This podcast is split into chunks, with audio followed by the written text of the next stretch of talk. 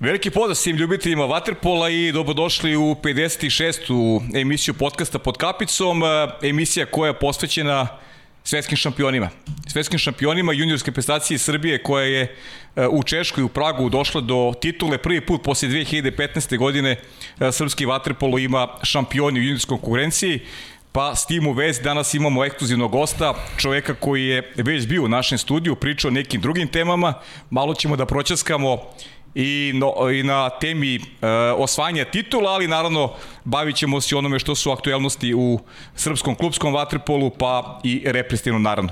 Za početak, Uroše, čestitke, zaista je onako bilo zadovoljstvo pratiti te utakmice, verovatno si e, ti očekivao neki dobar rezultat kao krunu a, nečega što je proizašlo iz višegodišnjeg rada sa ekipom koja je u Pragu bila najbolja na svetu.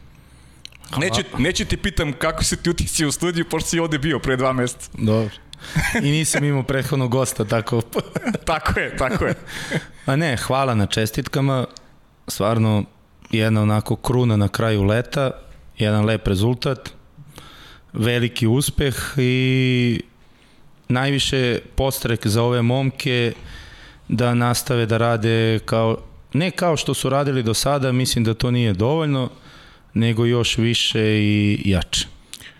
Naravno, domaćin studija u stvari nisam ja već, moja draga koleginica Sara Radović. Saro, Ćao, nadam se da ćemo danas da uživamo Ovaj... Hoćemo sigurno sam sudeći po početku, sigurno sam da će nam biti ovaj, jako zanimljivo ovde. Ništa, evo, tebi prepuštam taj uvodni deo, posle ćemo proći kroz sve utakmice, negde ćemo spontano da, da vodimo ovaj razgovor, pa kud nas odvede, ajde. važi, važi. Ajde, ovo da hvala ti ovaj, što si mi prepustila uvodnu reč. Uh, Uroše, ajde da se vratimo malo nazad pre nego što, ne, pre nego što krenemo, krenemo sa analizom onoga što se dešavalo u Pragu. A, moment kada si preuzeo misli, kada si selektirao ovu ekipu, kada si počeo da radiš sa njima, pošto je prak samo kruna tvog višegodišnjeg rada i te saradnje koji si imao sa svojim momcima? Jest. Ovaj, kada sam izašao iz seniorske reprezentacije Srbije 2017. godine sa svetskim prvenstvom u Budimpešti koje je bilo, od 2018. dogovorio, dogovorio sam se sa Vatarpolo Savezom Srbije da budem selektor juniorske reprezentacije. 2017. nije bila toliko uspešna godina za te reprezentativne mlađe kategorije. E, generacija 2000. godište nije ušla u neku završnicu takmičenja na, ja mislim da je bilo evropsko prvenstvo na Malti.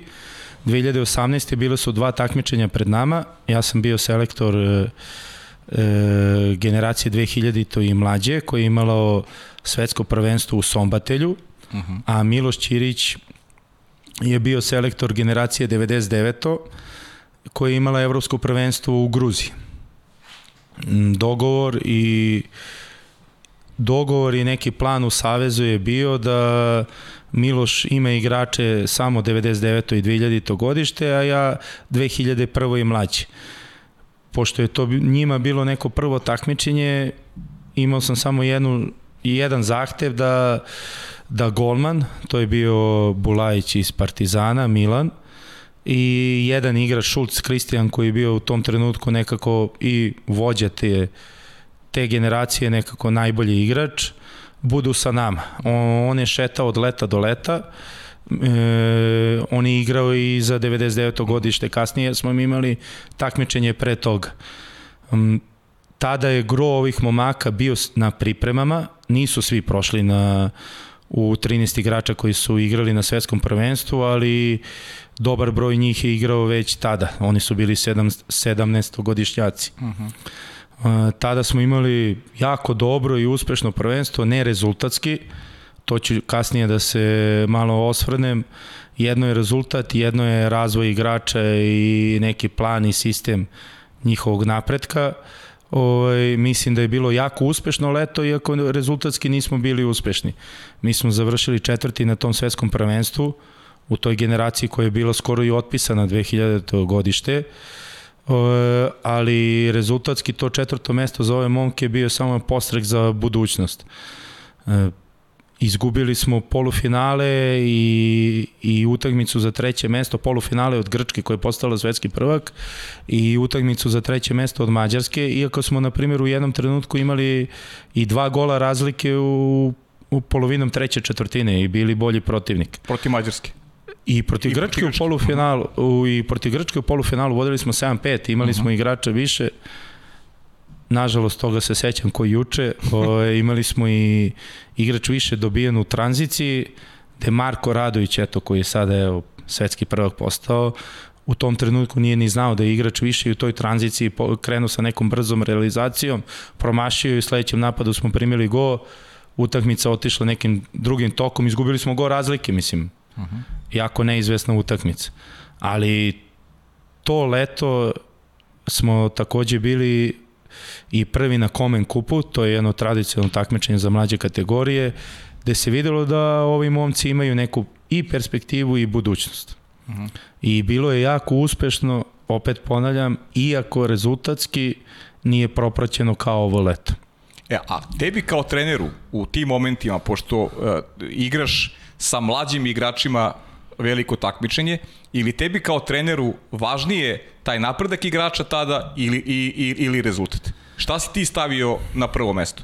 Pa, to je najvažnije. To nemam ja šta da stavim. Da, pa to treba da bude najvažnije, ali kako drugi gledaju nemam, na to, to je pitanje. Ne, kažem, nemam šta ja da stavim. Ja mhm. -huh. sam u službi Vatrpolo Saveza i stvaranju igrača za seniorsku selekciju. Mhm. -huh. To je odavno zapisano, sistemski, planski napravljeno, da je prva stvar stvaranje igrača za seniorsku selekciju. Ako dođe do nekog rezultata, to je samo potvrda nekog dobrog rada i da smo na pravom putu preko nacionalnih selekcija mlađih. Uh -huh. A, trebalo je da bude prošle godine Jerovsko prvenstvo, taj Kuwait u stvari usledio je Kuvajt. U Kuvajtu ste bili na, na drugom mestu, to je takođe yes, svetsko yes. prvenstvo, to je sad već postoji napredak i kad je u pitanju a, sam rezultat. Kako ne? Mislim, taj Kuvajt je još jedno iskustvo za ove momke da bi, uradi, da bi napravili ovaj rezultat uh -huh. koji mhm. smo sad.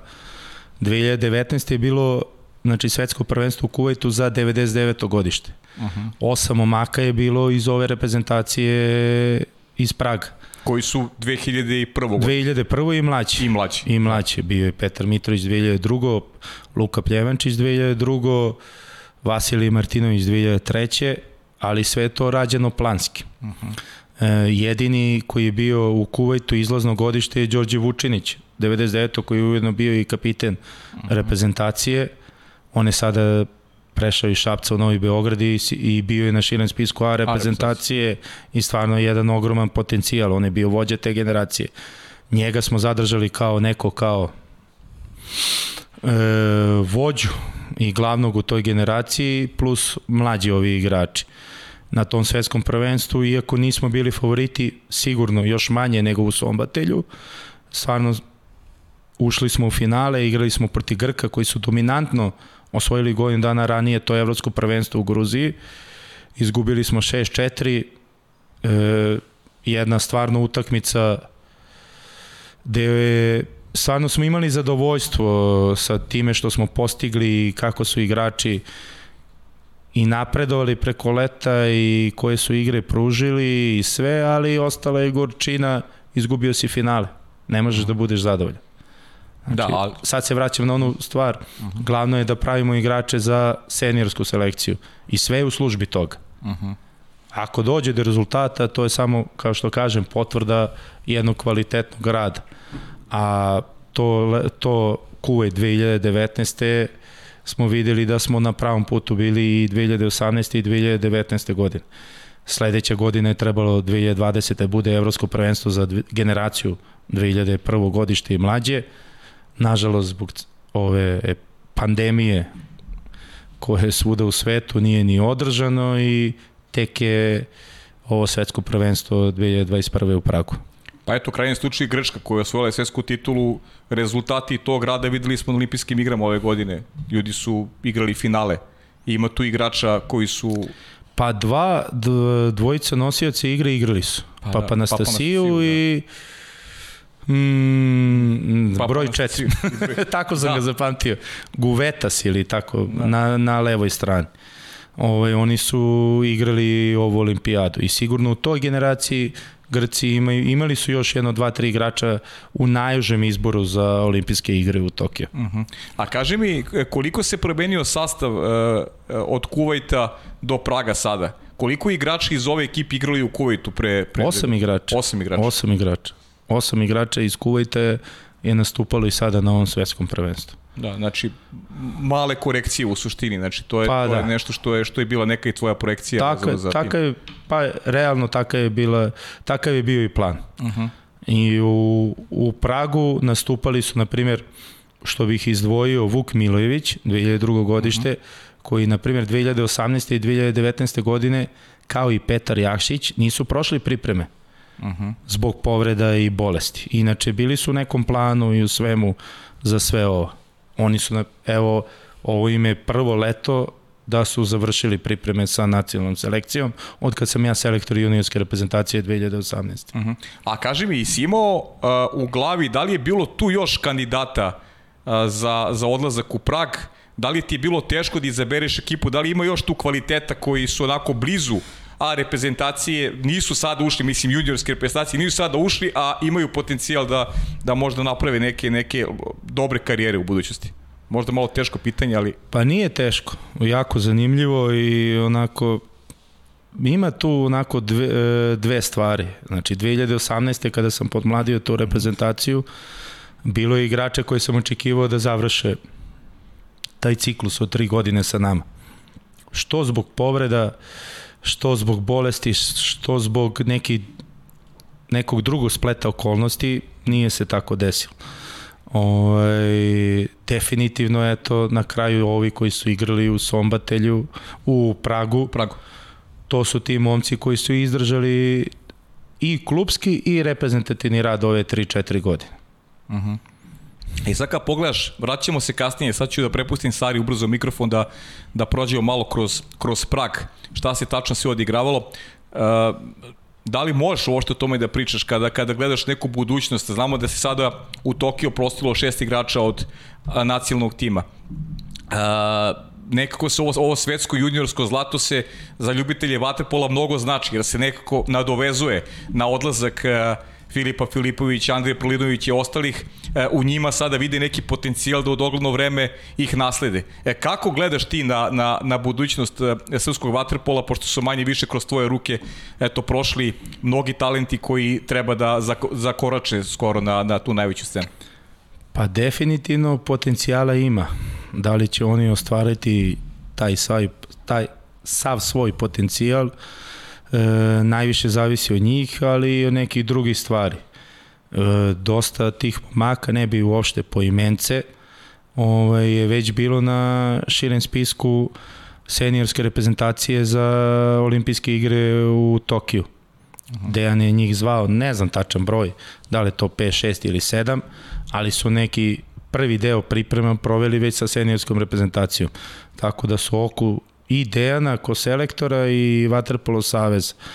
Da li će oni ustvariti to, sad to već, kažem, zavisi najviše od njih. Mhm. Sada se vraćaju klubove, nastavljaju sa nekim klubskim radom, sigurno su na oku selektora, ali najviše zavisi od njih i od toga da sve ove stvari koji su naravno klubovi su nosioci rada, to nema, nema šta da pričamo, ali nacionalna selekcija je samo nadogradnja, mi radimo dva meseca, smo radili ovog leta. Ovaj, ali to što ponesu iz reprezentacije, da oni to e, sve prenesu u klubove. I taj neki odnos i neke principe rada i karakter i, i sve te neke dobre stvari koje su naučili da nastave ne samo da oni tako rade u klubu, nego da prenesu i na ostali igrače u klub. Uh mhm. -huh. I da ne zaborimo, ovaj turnir koji odigrali u Beogradu takođe pred olimpijske igre, gde si ti vodio, to su ti momci koji su odigrali jako dobro taj turnir, pobedili i Francusku između ostalog, imali su priliku da odigraju, da se testiraju kroz neke, kroz neke jake utakmice, da osete, da kažem, uh, taj barut jakih utakmica koje su im značile sigurno i značit će im u budućnosti, pogotovo pričamo o tome klubski vaterpolo koji onako dobija sad na težini igranjem i radničkog i Novog Beograda u Ligi šampiona, igraći i ostali klubovi na evropskoj sceni, to je, pritom vratili su se neki stari igrači u, u klubski vaterpolo, to je sve nešto što predstavlja onako jedan dobar zalog za, za buduća široka tema, ali možemo da je obradimo i kroz, jako, kroz ovaj Jako, jako široka, ali bi samo te ispravio da svi ovi momci koji su igrali sad na juniorskom uh -huh. prvenstvu sveta, oni su imali seniorsku klubsku sezonu iza sebe. Da, okej, okay, jasno. U Radničkom, u Zvezdi, u Partizanu, tako da ovaj neki nivo vaterpola nije stran za njih. Uh -huh. e, bio je taj turnir e, pripremni za seniorske selekcije gde smo pobedili reprezentaciju Francuske i gde sem prvih četvrtina proti Španije i Srbije jako je dobro to izgledalo. Ali to uopšte nije iznenađenje, mislim da e, Zvezda je došla do četvrfinala Kupa Zvezda do polufinala. Polufinale, da. Zvezda do polufinala. Zvezda je došla do polufinala Kupa Len, Radnički je došao do četvrfinala, tako da neki ovi igrači imaju već neko iskustvo u igranju u senior selekciji i već znaju koliko mogu i šta trebaju da rade u, u nekoj budućnosti. Da, a sada još dobiju na, na dogradnju još veću. Neki će igrati Ligu šampiona, naredne godine pa tako je radnički. Zvezda igre kvalifikacije, Jest. da će Bog da prođe oni u Ligu šampiona ili igraće, ako ne igraće možda kup len, šta god, ali imaće opet to neko evropsko iskustvo. Kako ne, kako ne. Znači, Radnički će igrati grupnu fazu Lige šampiona, Zvezda će igrati od drugog kruga kvalifikacija, Partizan nažalost neće igrati Evropu, Novi Beograd je direktan učesnik grupne faze Lige šampiona i domaćin Fanny Lejta, ovaj, tako da imaće stvarno pred sobom onako pravo, kako bih rekao, ovaj, ne, pravo sticanje iskustva. Uh -huh. Pravo sticanje iskustva, pravi izazov pred njima da vidimo ili jesu ili nisu. Dobro, ajmo da pređemo sada na Prag, na, na dešavanje u Pragu, da analiziramo šta se tamo dešavalo, pa Saro, prepuštam tebi mikrofon. Da, negde je naša praksa da prođemo kroz sve utakmice koje su se igrale, s tim što bih ja pre nego što krenemo na te utakmice e, pitala kako su tekle pripreme. S obzirom da seniorska e, reprezentacija ipak dosta njih je van države i oni imaju taj problem da nemaju dovoljno vremena da provedu to neko vreme zajedno. Ipak i u samoj reprezentaciji juniorskih selekcija imamo dosta njih koji čak i u klubovima treniraju zajedno, ali su svi definitivno zajedno ovde kod nas u državi. E sad, kako su tekle pripreme, kako su izgledale, čini mi se da su trajale dva meseca, je li tako? Sa prekidima, da. Da, e, ajde da popričamo o tim, o tim pripremama pred sam Prag. Pa pripreme su bile dva meseca, definitivno ja sam to naglasio u analizi nekog takmičenja i svega ovaj, prednost naša u odnosu na druge ovaj, reprezentacije. Mislim da niko nije imao duže pripreme u odnosu na nas. A opet, mislim da su bile kratke.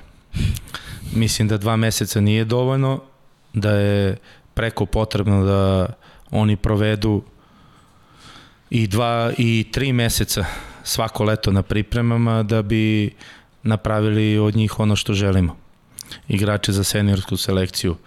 E, ta dužina priprema od dva meseca mislim da je bila nismo mi talentovani od drugih nego eto ovo leto moje iskustvo govori da smo samo više radili od drugih i da se to na kraju i videlo u rezultatu. Jasno, ništa. Prolazimo sad kroz utakmicu. Za, izvini, izvini. Naravno. I ovim putem bi se zahvalio Vaterpolo Savezu Srbije što je omogućio da te pripreme traju dva meseca, bila je velika borba da se to izdejstvuje ovaj, sa ljudima iz Saveza, ali mislim da su i oni shvatili da u ovom trenutku kada rad u klubovima u Srbiji ide nekim korakom, stepenikom u napred, da da je neophodno da i u reprezentativne selekcije provode što više vremena zajedno najbitnije da se to na kraju isplatilo. Mi smo negde pričali sa, sa Dejanom Savićem o tome, Nikola Jakšić je na pripremama za seniorsku reprezentaciju proveo svega 10 dana kao sa reprezentacijom, ali Ajde, nećemo sada o tome da se vraćamo i na, na to koliko njih igra van. Vraćaju se, to je najbitnije, da se oni vraćaju kod nas, a za dalje ćemo lako. Sad idemo na grupnu fazu. Utakmica protiv Češke. 28-0, ja znam da sam u tom trenutku zvala Pavla i rekla sam, jesam je dobro videla. Kako se desi ta utakmica? Kako se zapravo igrači posle te utakmice negde motivišu da i sledeću utakmicu odigraju podjednako dobro? Pa dobro, imaju oni, imali su iskustva već dva svetska prvenstva. Sombate 2018. i Kuve 2019.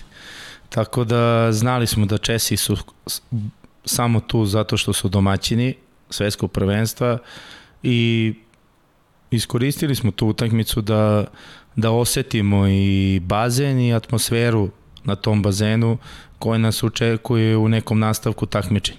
Mi nismo imali prilike u pripremi za svetsko prvenstvo da treniramo na otvorenom bazenu, mi smo se spremali u Kragujevcu na zatvorenom bazenu, što je stvarno jedna razlika, treba jedan period adaptacije na otvoreni bazen, tako da tu utakmicu smo stva, e, shvatili kao pripremu za sve ono što nas čeka. Ne, sle, ne, ne, ne, ne na sledeći dan i utakmicu sa Španijom, nego na onu završnicu od četvrfinala, apostrofiram to četvrfinale kao najvažniju utakmicu na prvenstvu. Druga, pardon, druga utakmica protiv Španije, e, rezultat 6-6. U, poslednjoj, e, u poslednjim sekundama su Španci, ako se ne varam, dali taj odlučujući gol da, da bude izjednačeno. E, pa kako izgleda u razgovor pred samu utakmicu, ipak Španija nam zadaje negde glavobolju i što se tiče seniorskih ovaj, selekcija i što se tiče juniorskih, kako izgleda razgovor pred utakmicu, kako izgleda posle utakmice? Kao pred svaku kao pred svaku. Utakmica, znači, sa, utakmica sa Španijom nije bila odlučujuća.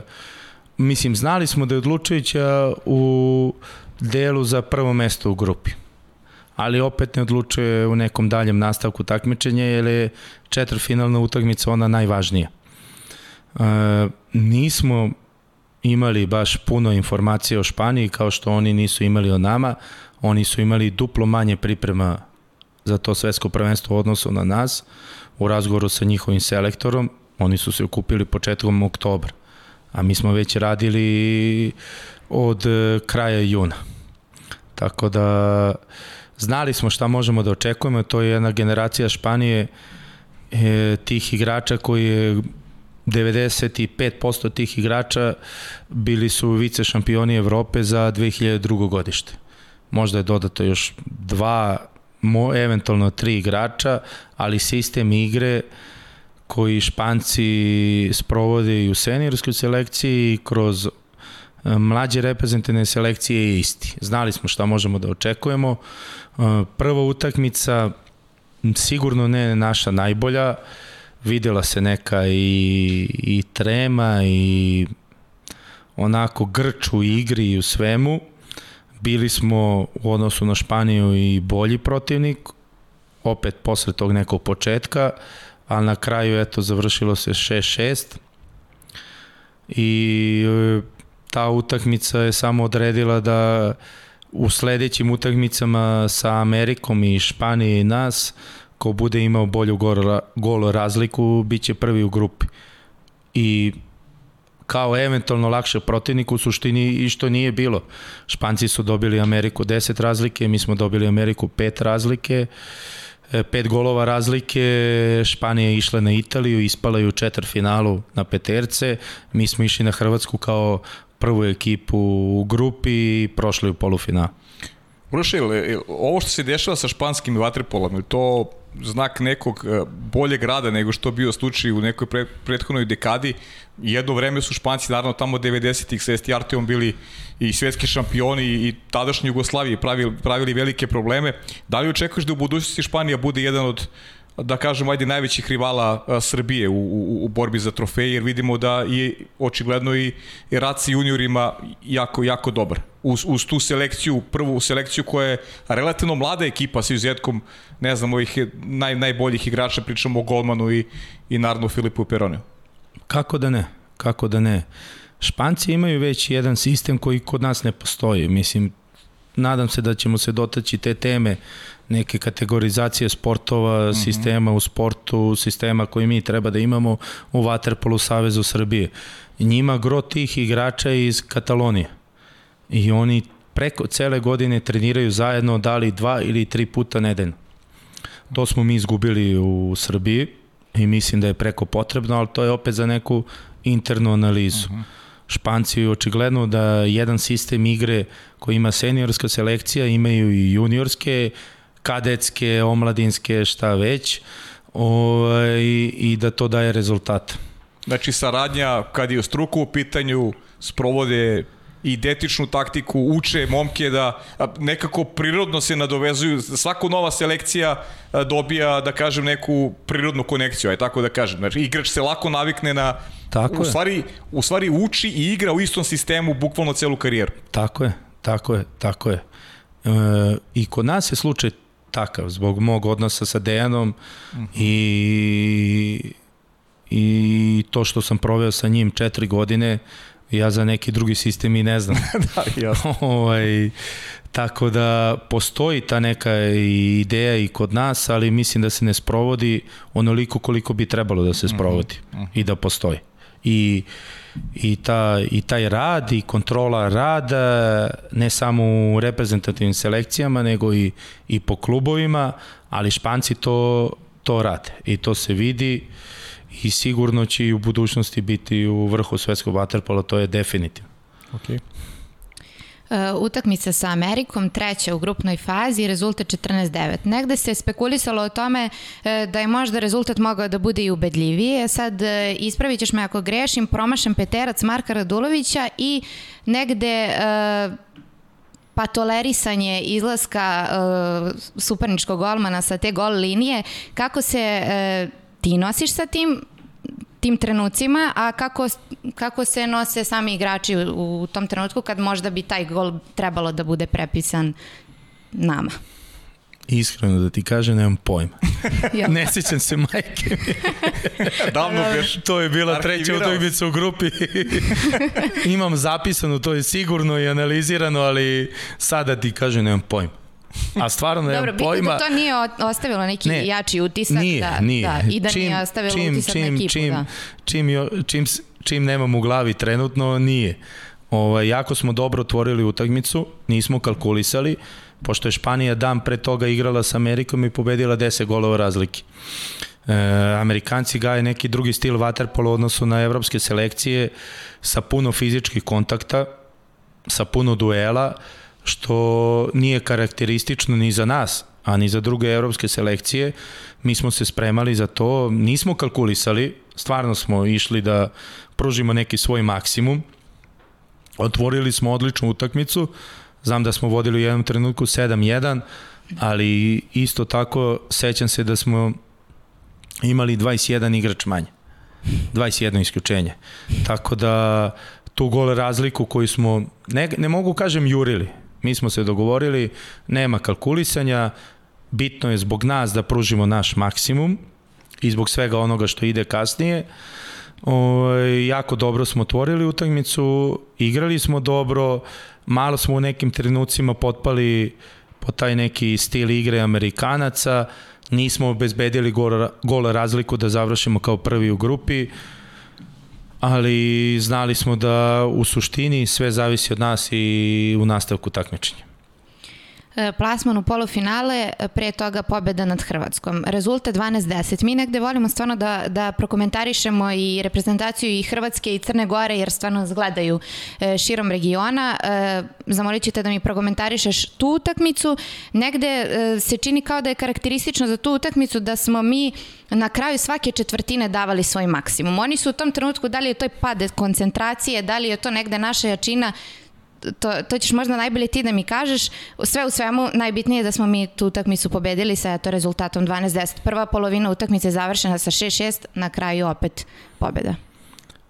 Mm, vratit ću se na taj kraj treće i početak četvrte četvrtine gde smo mi najbolje odigrali u četvrfinalu i u polufinalu i finalu. Ovo, ovaj, pre toga bih e, rekao samo da pošto nismo imali ni žreb, ni sa kojim protivnicima ćemo igrati na svetskom prvenstvu u toku priprema za svetsko prvenstvo. Mi smo dogovorili zajedničke treninge sa Hrvatskom i sa Crnom Gorom i turnir u Puli. To je bila jedna turneja e, tri dana u Dubrovniku, tri dana u Nikšiću i četiri dana u Puli na turniru gde je učestvovala Crna Gora, Hrvatska, Srbija i Nemačka. Jednostavno to je bilo najprostije. Najprostije da se organizuje zbog ove pandemije i ovih problema što se tiče putovanja i svega, gde u suštini mi najbolje smo i poznavali Hrvatsku i Crnogoru. I oni nas. Mislim, tu nema, nema, nema šta da se priča. Ovaj, kada smo, Hrvatska je odigrala fantastično, pogotovo ceo turnir, ceo turnir. Oni imaju jedan poraz i to je poraz samo od nas. Da. E, malo atipično za za kako ostali vole da kaže balkanske selekcije Hrvatsku, Crnogoru i Srbiju gde je dominantna neka fizička igra, dobri centri, e, jak, e, fizički jaki bekovi sa puno duela i to, ali Hrvatska imala neku atipičnu igru, to je stvarno u toku priprema i nekim trenucima nije izgledalo najbolje, ali kroz turnir ja mislim da e, oni su se dizali, igrali su fantastično u, u nekom u posle te grupne faze, ako bismo birali protivnika, sigurno ne bi birali Hrvatsku. Jer mislim da su oni bili u nekom uzlaznoj putanji, imali i dobili su i na samopouzdanju posle pobede na Hrvatskom i jako dominantne pobede nad Rusijom u grupi, ali dobro smo ih poznavali i kao što, kao što je njihov selektor Vjekoslav Kobešćak rekao, na kraju taj neki naš kvalitet više i došao do izraža. Nije bila naša najbolja utakmica, ali mislim da smo najbolje iskoristili njihove mane i, i neke naše neki naš kvalitet u toj utakmici. Verujem da Hrvatska nije ne išla na nas u četvrfinalu da bi došla do same završnice i sigurno borbe za medalje. Da, i to je ono što, što je interesantno i to rivalstvo veliko sa Hrvatskom, a opet s druge strane Uh, sigurno i tebi jedna onako lična satisfakcija Vjekoslav Kobeša koji je jedan od najboljih trenera u Evropi uh, čovek koji uspešno vodi UK već godinama imati i dobre ovako odnese uh, uh, i saradnju. Uh, verujem da je to onako i podiglo ekipu ta pobeda protiv Hrvatske jer to je onako da kažem jedno mogu, da, mogu slobodno kažem u Waterpolu najveće rivalstvo i ono što, što je moj utisak najbolji odnos koji postoji između uh, sportista, mislim da je to upravo u Waterpolu kada govorimo o tim relacijama Srbije i Hrvatske.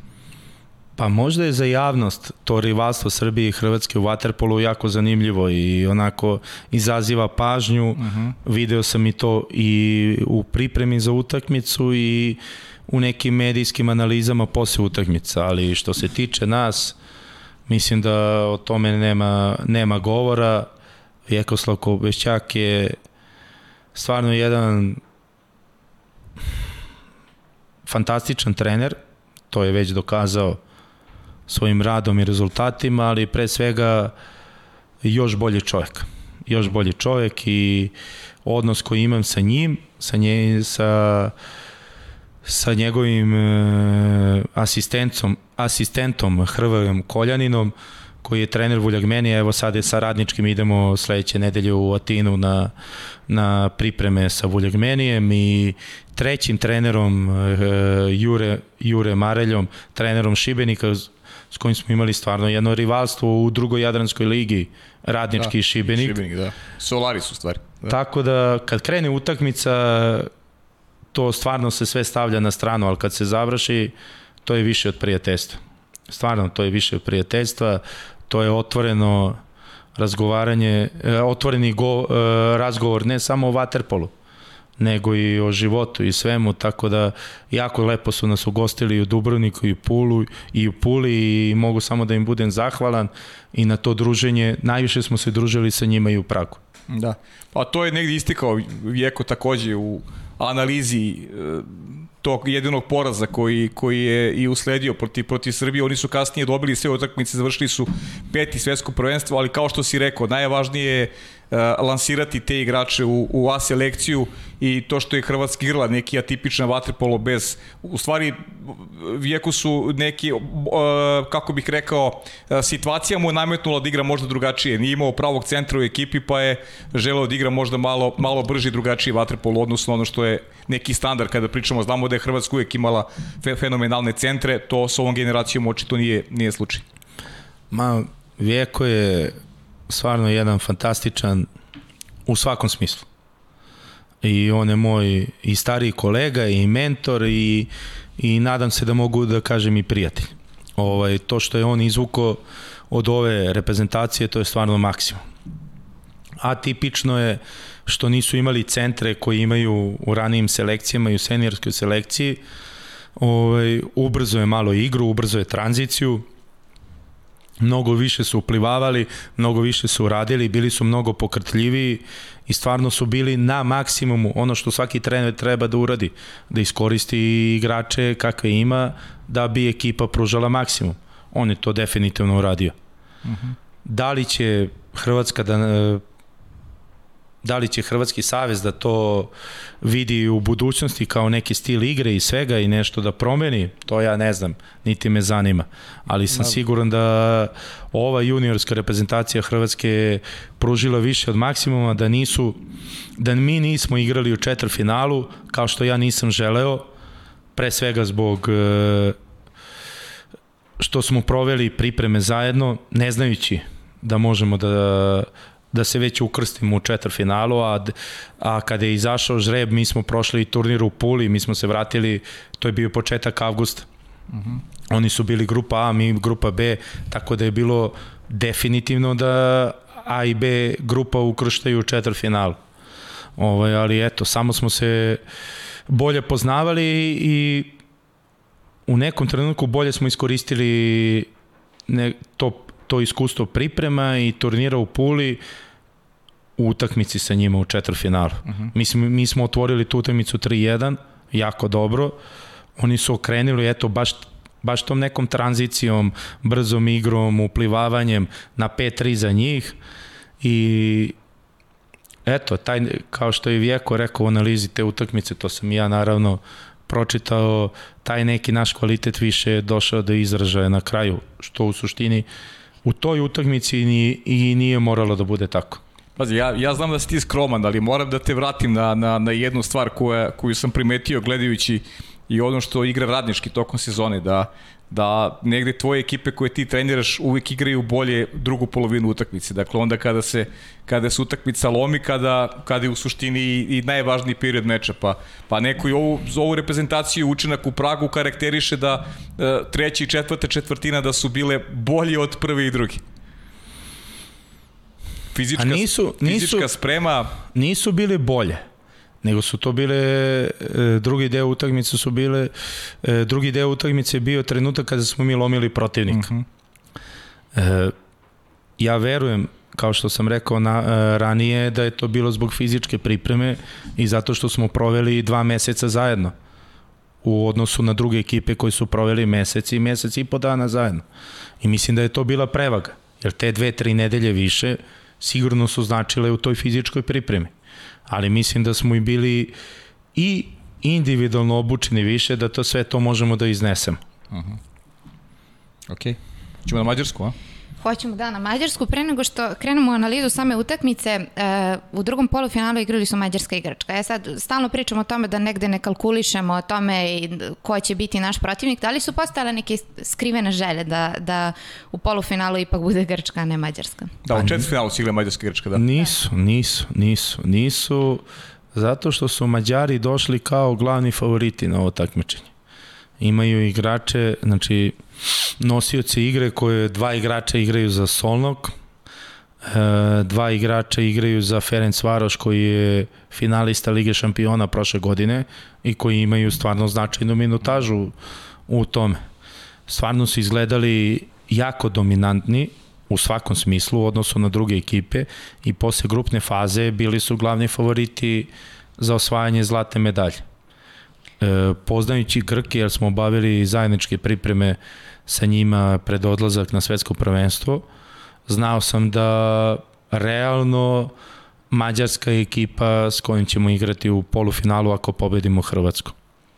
Jasno, ide ta utakmica, uh, ide u prilog tome što pričamo da u drugoj polovini utakmice mi jesmo negde dominantni. Utakmica je otvorena sa 2-0, kasnije 3-1 i onda četiri vezana uzastopna gola naše reprezentacije. Uh, u tom trenutku kada je utakmica otvorena negde bolje za protivničku ekipu, uh, kako ih vi negde motivišete, kako se oni sami motivišu u, u tim trenucima kada je negde utakmica lošije otvorena?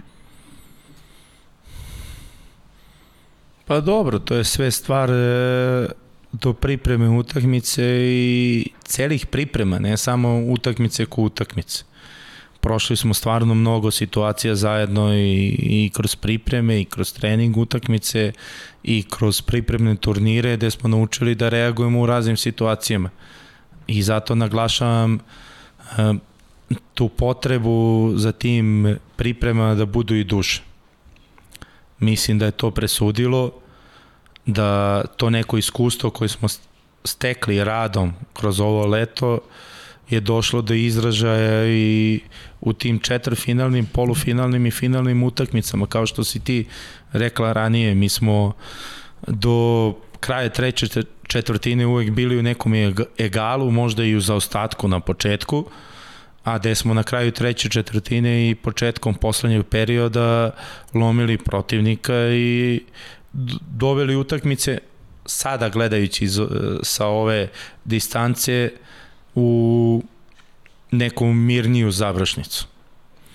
U tim trenucima ništa posebno, stvarno ništa posebno. Mislim da sa ovim nekim novim kriterijom suđenja koji je prevashodno na ovim mlađim e, na mlađim reprezentativnim takmičenjima ekipa može da se vrati za dva minuta kao što može i da potone za dva minuta. Tako da jednostavno samo smo nastavili da da se da pokušamo da nastavimo da se držimo nekog dogovora i nekog plana koji smo zacrtali pred utakmicu što se i videlo u toj u, u toj završnici svetskog prvenstva. Ili je isti princip kao A reprezentaciji kad kažeš ta saradnja sa, sa Dekijem, nema priče sa sudijama i prosto fokus samo na ono što se dešava u bazenu ili, ili, ima, ili ima tu odstupanja sa tvoji... Pa ne znam da li si dvosmislen. ne znam da li si dvosmislen. Ove... Ovaj- Nisam dvosmislen, pričam o reprezentaciji. Ove, ovaj, pa sigurno, sigurno. Uh mhm. -huh. Da da kriterijum suđenja i eventualno moje ili ne daj Bože e, uticaj e, kriterijuma suđenja na igrača izazove neku reakciju. To je sigurno pogubno za ekipu. Jednostavno mora da se ostane fokusiran e, na zadatke koje smo se dogovorili i na, i na trenutnu situaciju u bazenu. A ako si dvosmislen, Nisam, na moj odnos sa igračima, to već onako malo sam labilniji, pa možda i, i reagujem i kažem nešto što ne treba, ali to je opet prema ne, ne, prema mojim igračima i nadam se da nisu uzeli za zlo. Ovaj, ja sam se izvinio Ne, okej, okay, prema tvojim igračima. Izvinio sam se svim. prema sudijama. A prema sudijama? Ne, ne, ne mislim na igrača. Pa nije bilo reakcije prema sudijama. To sam i samo sam na ono to što mogu da budem zadovoljan ko trener, e, reakcija prema sudijama od strane igrača nije postojala. O tome te, pazite, reakcija igrač Postojala trener, samo to je moja reakcija odnos. prema igračima. Pa to je vaš odnos, to je okej. Okay. Ja sam se izvinio um, majkama, ovaj, po, pogotovo dve majke koje sam najviše spominjao, ne imenom, i, ali momci znaju da to je samo onako jedan Da je dobro namerno, da je dobro nije, namerno. Nije zlonamerno i da, i da ja nisam kočijaš, nego jednostavno to je A pazi, a, pazi takva situacija. E, a ušli smo u temu koju uopšte nisam započeo. Stvarno sam mislio na, na, na priču, e, gledali smo olimpijske igre i znam da je to suđenje Znaš, kad gledaš sa strane, ok, drugačije, drugačije pogled nas koji nikad nismo igrali vaterpolo, ali prosto neke stvari gledaš u kontinuitetu, pa, pa ti nije jasno šta se svira. I ti sad treba sačuvaš hladnu glavu u momentima kad slomi utakmica, a osjećaš neku nepravdu. Zato sam te pitao, da li si tu uh, igrač, što kaže Deki, ja to vežbam pred ogledalom, to, to, to je sjajna njegova izjava. Igrače treba navići negde da, da nemaju tu reakciju prema sudijama, nego budu isključivo fokusirani ono što se dešava u bazenu. Jer ti nepravdu, i ako se dešava, ne možeš da ispraviš. Možeš samo da budeš jak u glavi i da, i da nastaviš jeste, sa jeste. nekom svojom pričom. To je tradicija, to je tradicija, to se uči, to je u našem sistemu. E, mi nikad nismo imali, ne, neću da kažem podršku, uh -huh. tu van bazena, odavno, odavno. Ovaj, morali, morali smo kroz e, obuku, kroz pripreme, kroz sparing utakmice, kroz turnire i kroz takmičenja da se naučimo da se nosimo i sa tom stranom sporta. Jednostavno mi nemamo podršku, mi to znamo i na tome treba da radimo pre svega Vaterpolo Savez. Ovaj, ali ja kada sam ušao u ovaj sistem Vaterpolo Saveza Srbije, kroz Partizan, kroz eh, nacionalnu selekciju seniorsku, juniorsku, jednostavno to je, to je jedna od prvih lekcija koje smo naučili. Uh mhm. -huh. I mi igramo protiv svih. Uh mhm. -huh. I ne zanima nas ko nam je protivnik, ko sudi, gde igramo, naučeni smo da moramo da pobedimo sve. Je, je li Mađarska najbolja utakmica koju, koju ste odigrali na svetskom prvenstvu? Pošto nisi rekao i Bene, recimo, ovaj Vigvari koji igra za Ferenc Varoš, onaj dečko, verovatno i neki legitimni naslednik Deneša Varge, uh, momak koji stvarno je veliki talent, ogroman talent.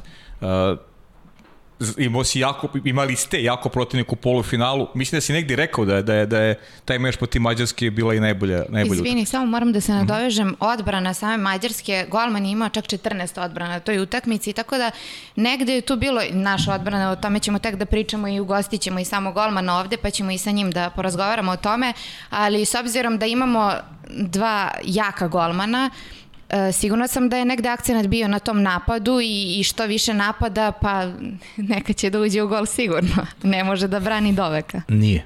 Nije. Nije. Nije. O, ovaj, tradicija naša je da e, napad, napad donosi pobede, a odbrana da. donosi titule.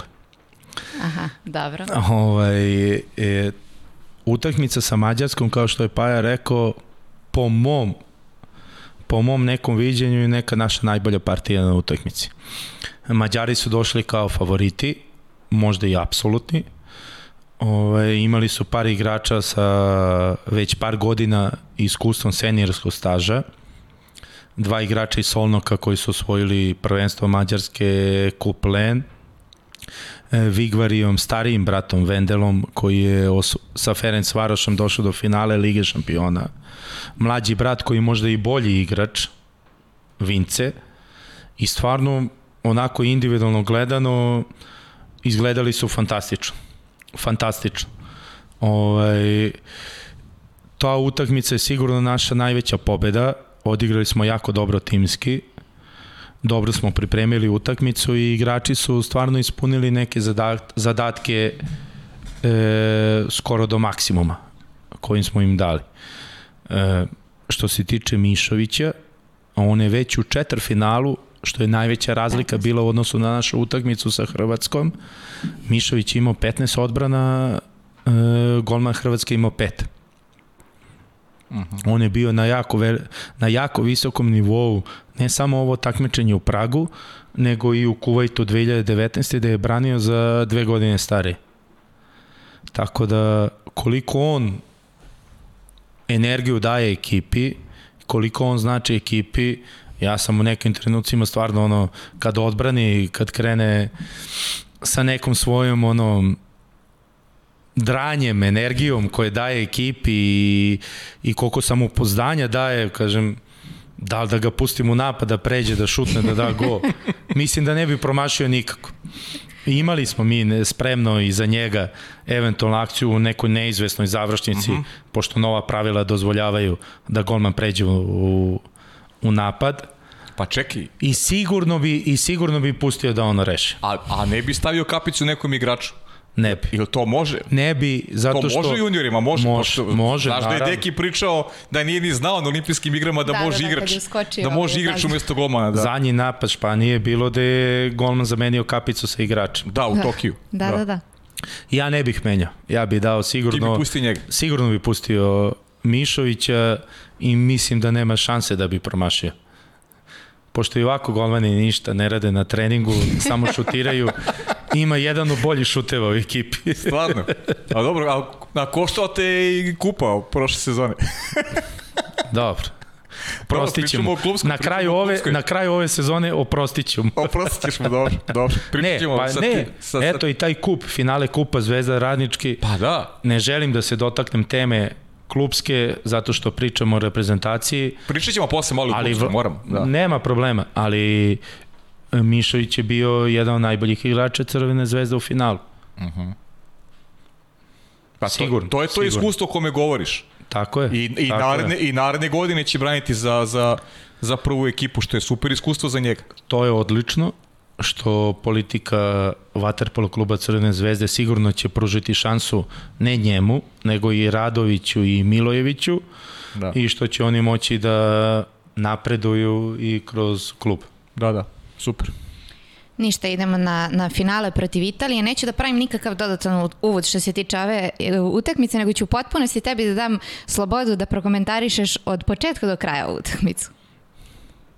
Da li je postao strah među njima? Nije. Ne. Nije, nije uopšte. Osetila se neka tenzija pred četiri finale protiv Hrvatske.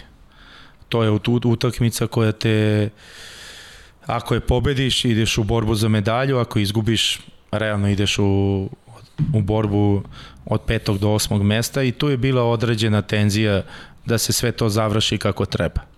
To, su, to se videlo i na igračima. Pred polufinale i pred finale nisam video neki poseban ni tenziju, a daleko bilo i strah među njima. Ovaj, znali smo da smo bolji, da sve zavisi od nas. Kao što smo protiv Mađarske odigrali jako kvalitetno, što se nekog moj, mog utiska tiče, protiv Italije nismo odigrali ništa. Bukvalno ništa. Na našu sreću, ni Italija nije odigrala ni 50% onoga š, kako su izgledali u utakmicama pre, ali opet u finalu gleda se samo rezultat, tako da nije bitna igra. Pored toga što su ovo juniorska selekcija, ja kažem, uvek je bitno način igre, e, neki rad, e, njihov kvalitet, koliko smo ih mi unapredili u finalu, eto, najbitnije je da smo pobedili. Inače, utakmica ko utakmica, prošla je tako, to sam rekao i momcima, to mogu sada i, i da kažem, i na kraju druge i na kraju treće četvrtine, momci, nemoj da prođe ova utakmica, a da niste dali sve od sebe. I da ostane žal za ovom utakmicom. Nismo ni blizu nekog svog maksimuma, ne maksimuma, nego neke svoje igre. I ali ja, opet, ajde, to je finale. Finala se pobeđuju. Ali to se baš da kažem, zar i to nije kvalitet kad, Pa jest, kad jest, igraš jest. loše, a pobediš u najvažniji utak. Jest, jest. I mislim da italijani su se sami u pripremi utakmice u svemu ovo što smo ih e, videli na treningu i svemu uplačili nas. Uh -huh. I da su imali i preveliki respekt prema nama. Uh -huh. I nisu igrali nisu igrali nji, mislim, italijani su osvojili drugo mesto bez jedne pobede. Oni su odigrali nerešeno sa Rusijom u grupi, nerešeno u četvrfinalu, nerešeno u polufinalu sa Crnom Gorom. Oni izgubili su od Hrvatske u grupi, izgubili su od, od Srbije u finalu. Znači, Ja, oni su da. bez pobede vice šampioni sveta. Ali to je jedna generacija koja je e, dominantno došla do titule prvaka Evrope za 2002. godište. Godinu dana mlađi igrači. Uh -huh. I oni su izuzetni ono sportisti, to nema, nema govora, ali eto, neka naša pojava na tom svetskom prvenstvu u Pragu dovela je da se oni uplaše. daleko od toga. Mnogo su nas respektovali, to se videlo u igri u finalu i na sreću mi smo to iskoristili. Kaži mi, kakve su reakcije bile posle? Verovatno su usledile odmah i čestitke. Šta je rekao Deki? Znam da je bio na tribinama, bio je predsednik Saveza Viktor Jelenić. Dugo nismo, ajde, dugo Srbija nije bila svetski šampion. 2015. godine juniorski, to se tad igrao, to je 95. 95. godište, pritom igrao se neki eksperimentalni vaterpolo tada sa 11 igrača generacija Lazara Dobožanova, ne znam, Draška Gogova, to je, to je ta ekipa, ali dugo i nema medalja generalno. Srbija je navikla na medalje u, u juniorskim konkurencijama, ta, ta iskuvajta to srebro i ovo sada zlato u principu, to je to. Sada nas čeka tako 2004. godine godište igra na Malti evropsko prvenstvo, to je skoro, tako, za nekih koliko deset... Pa za par dana, za par kraj, dana počinje. Na, za vikend počinje. Eto, za vikend počinje, tako da malo smo si odvikli od tih juniorskih medalja, da, da budemo iskreni. Dakle, ovo je zaista jedan, jedan veliki rezultat. Mora da te ispravim. Mislim da i nije tako. Znači, uh -huh. 2015. smo bili u Kazahstanu svetski prvaci za 95. godište. Jeste. Bila je to neka eksperimentalna godina, 5 na 5. 2017. smo bili treći na svetskom prvenstvu u Beogradu za generaciju 97. Uh -huh. 2019. smo bili vice šampioni sveta. Kuwait, dobro. To Kuwait i evo 2021. smo svetski prvaci. Pa dobro, eto, za promašao Konti... se to 2017. Ne, kontinuitet postoji, uh -huh. ali mislim da smo razmazili javnost. Da. Pa, okay. Pogotovo mi u Waterpolu, pogotovo seniori, sa osvajanjem tih medalja. A opet, s druge strane, ostaje upitno šta znači kontinuitet tih e, osvajanja medalja. Eto, iz te generacije 95. Koliko igrača je igralo u Riju ili u, u Tokiju? Evo, za tebe pitanje. Koliko igrača znaš? Ima dosta igrača na širim, na širim spisku, spisku da. reprezentacije. Da. Pa da, nema. Jakšić? Jakšić, da. Jedan? Jakšić, da. Jedan igrač. I da li je onda taj uspeh toliko bitan ne, slažem na se, tim okay. takmičenjima za mlađe kategorije ili nije? Samo jedan igrač. Ja mislim da je to nedovoljno. A to je sas... Mislim da je nedovoljno, a opet sasvim dovoljno. Jer smo dopunili tu seniorsku selekciju sa igračem koji je trebao da bude tamo. Tako da imali smo kontinuitet, a opet uvek ostaje to za, naši, za nas iz struke i ono neku internu analizu u Savezu, ovaj, šta, je naj, šta je bitnije i šta smo više, više postigli. Jesmo više stvarali igrače ili taj rezultat bitan? Pa ajde preform... Kad se poklopi jedno i drugo, to je to. To, ajde preformulišemo onda pitanje. Ili iz ove generacije ima materijala za reprezentaciju, pošto je to poenta, i da li ćemo da ubiramo plodove tog zlata osvojenog u Pragu kroz uh, A selekciju ili ćemo samo da pamtimo statistički da je eto osvojeno jedno zlatno odličje 2021. u Pragu? Nadam se da neće biti samo statistički. Kao što sam rekao, Dejan je već jedno 6-7 igrača zvao na pripreme za olimpijske igre u Tokiju. Ja sam siguran da, da, da se neće završiti samo na statistici.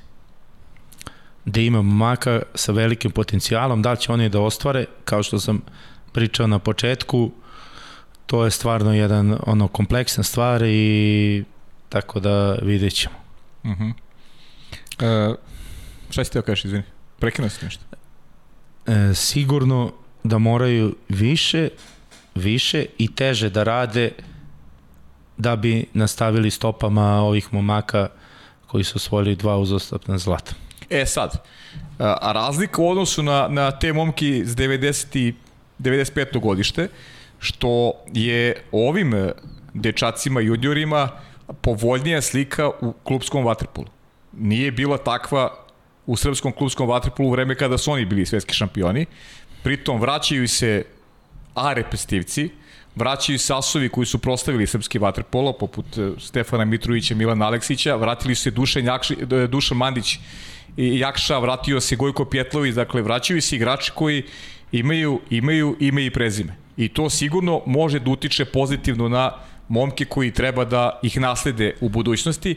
Srpski vaterpolo, klubski vaterpolo jači i to možda bude prednost tojih momaka u odnosu na, na momke koji su rođeni 95. koji su morali možda i silom prilika da traže angažmane širom sveta, a da to nisu ni želeli ni planirali, prosto su morali da se bave svojim karijerama na način na koji, e, koji nije normalan prosto.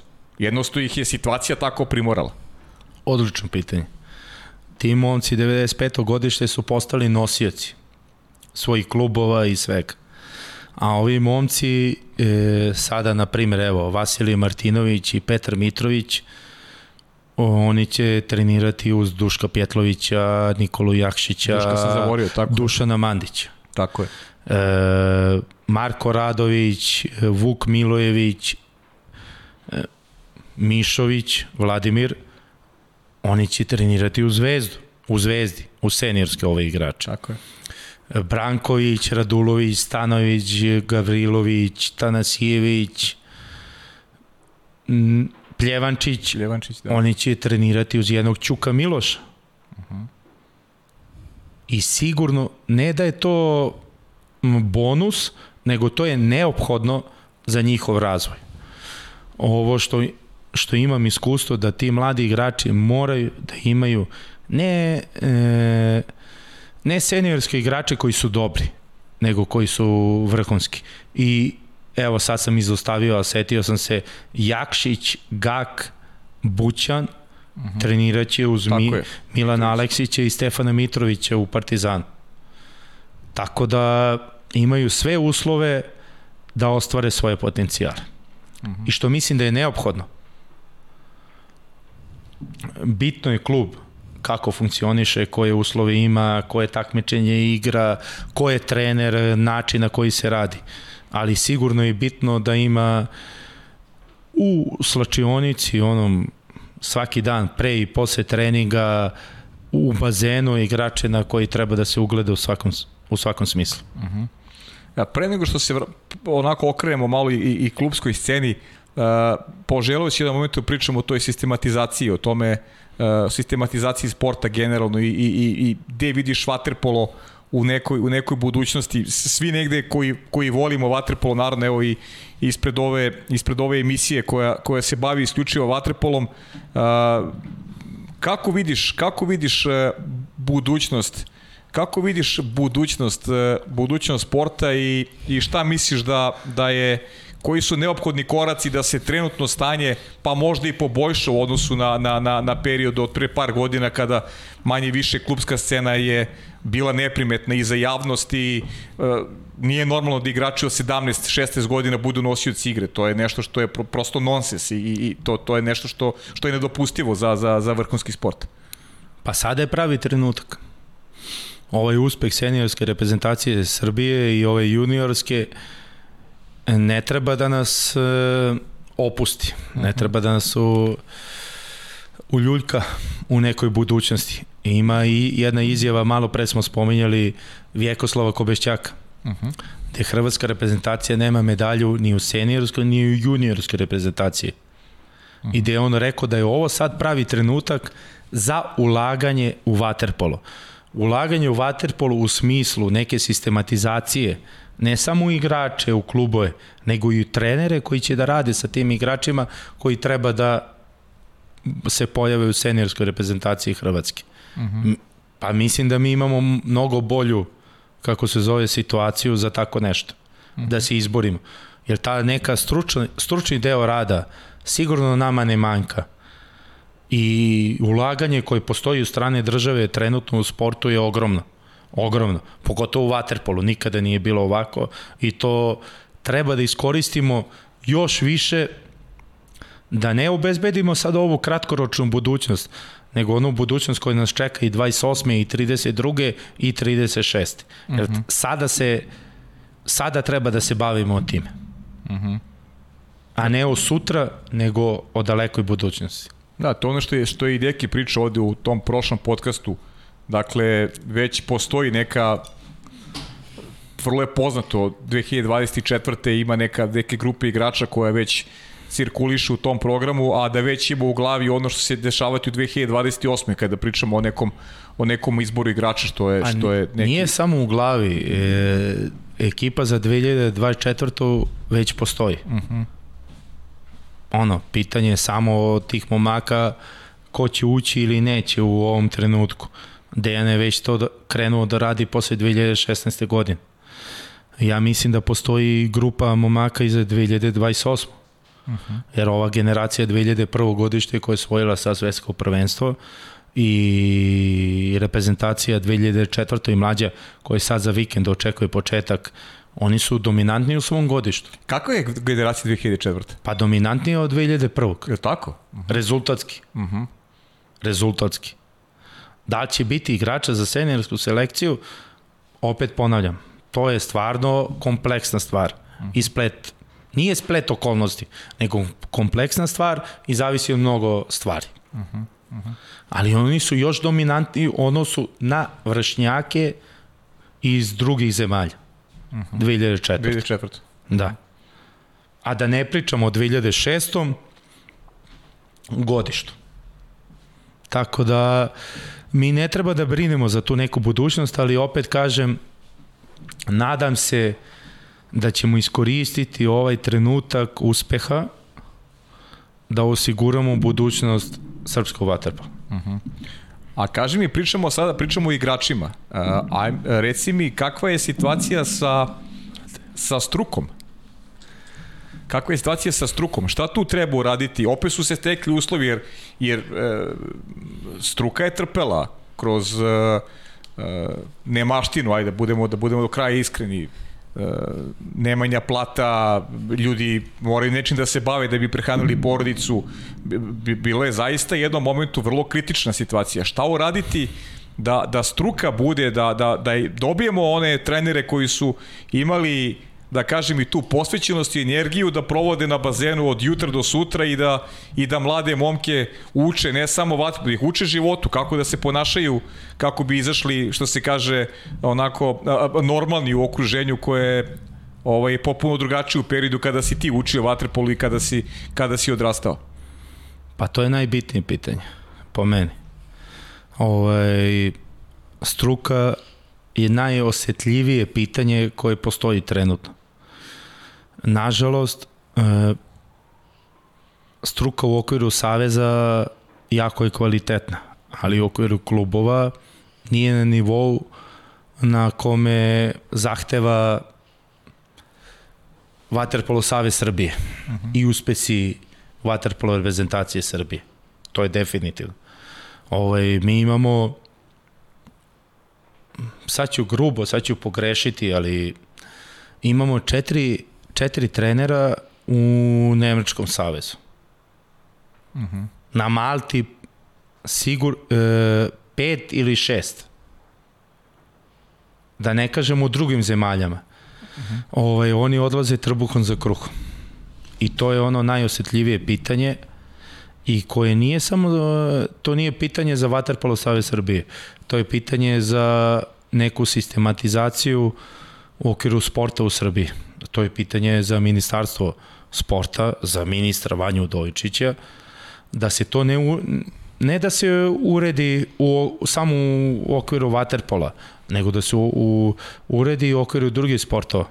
Uh mhm. -huh. Ima primjera, postoji već inicijativa da ljudi ne smatraju da je ovo kritika.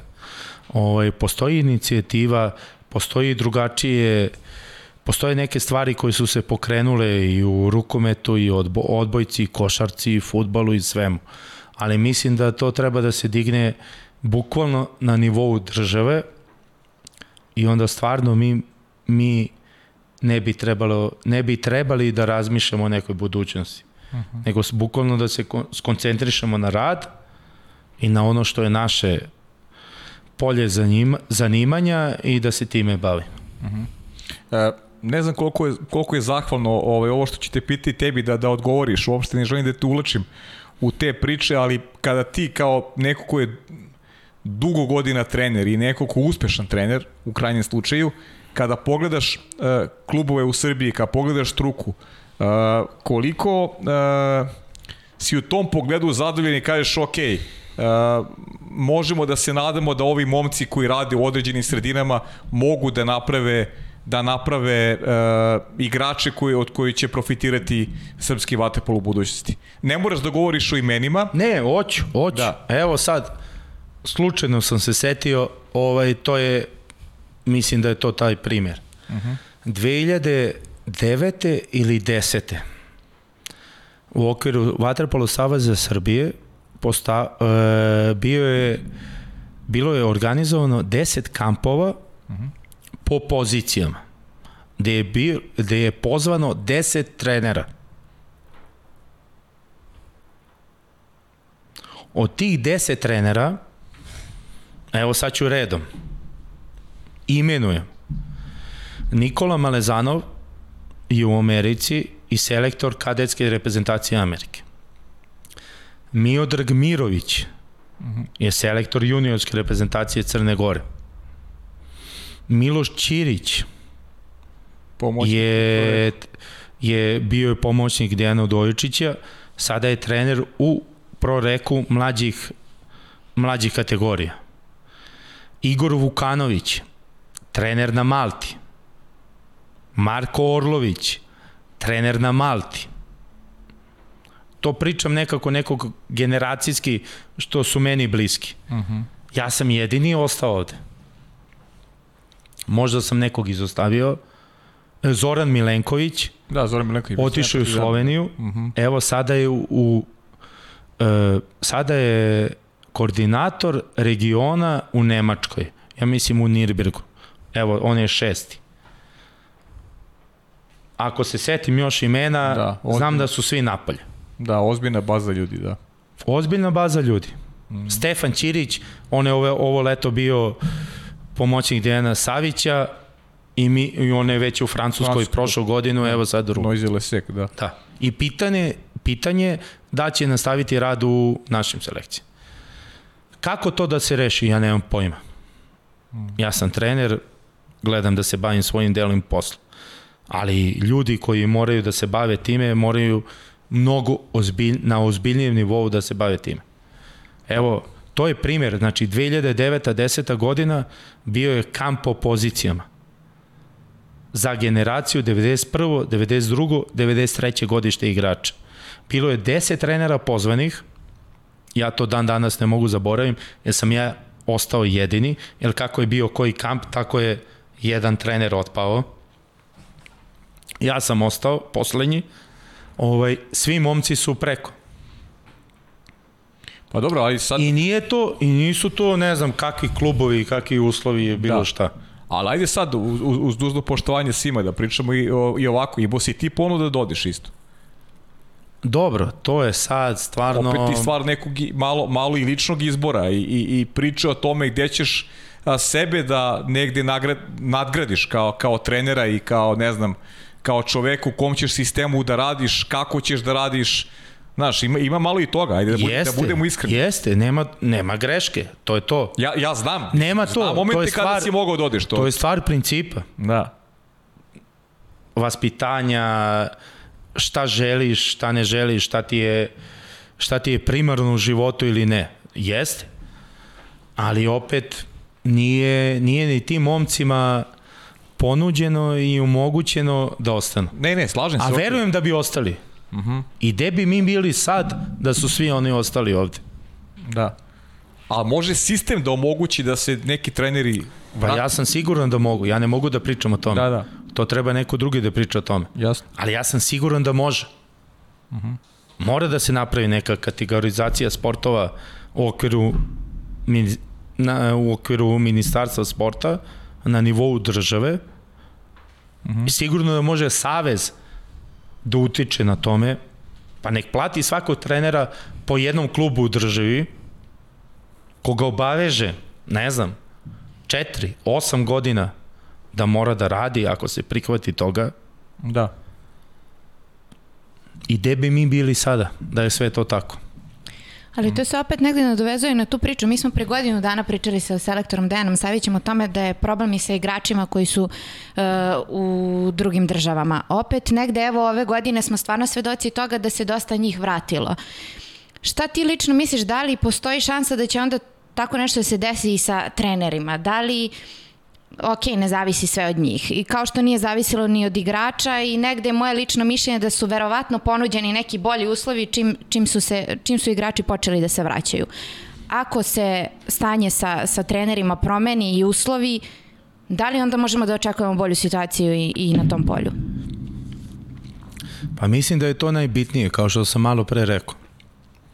Znači bolji uslovi? Ne. I ponude? Ne, ne, ne, ne da se nešto sistem, sistemski promeni i da se treneri vrate. I mislim da je prva i najvažnija stvar da se ti treneri vrate i da rade u našim klubovima. Ovo što su igrači se vratili, to je stvarno jedna fenomenalna da. stvar. I što je država, država omogućila da se ti igrači vrate i u Novi Beograd, i u Partizan, i u Zvezdu, i u Radnički, Šabac, Vojvodinu i druge klubove. To je stvarno jako, jako bitna stvar za te igrače. A za neku perspektivu i budućnost e, Waterpola u Srbiji mislim da bi bilo još više produktivnije da, da se, se treneri vrate. Jasno. A o tome se ne priča. Da. Da, da, pa ajde, nadamo se da će da smo pravda za trenere. Da, da smo pokrenuli neku neku priču koja će koja će ovaj onako uticati da se da se neke stvari promeni u tom u tom smislu.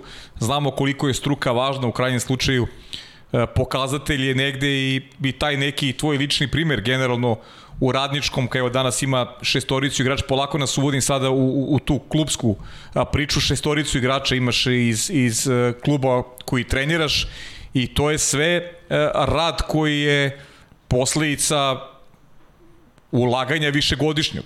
I, I u situaciji kada nisu baš tekli med i mleko, ne teču ni danas med i mleko, ne teku, u stvari ne, ne teču, ali ovaj, činjenica je da, da, si, da si uložio sebe u nešto što je, evo, rezultat uh, i u, u rezultat u Pragu. Dakle, uh, velika, velike, velika pohvala i za, za radnički kao klub. Uh, nije mala stvar napraviti igrača u sredini uh, koja nije bila vaterpolo centar, a polako postaje vaterpolo centar, tako da i tu možeš negde da budeš ne da budeš ponosan, nisi ih zvao zato što su tvoji, nego zvao si ih zato što zaslužuju da budu u reprezentaciji.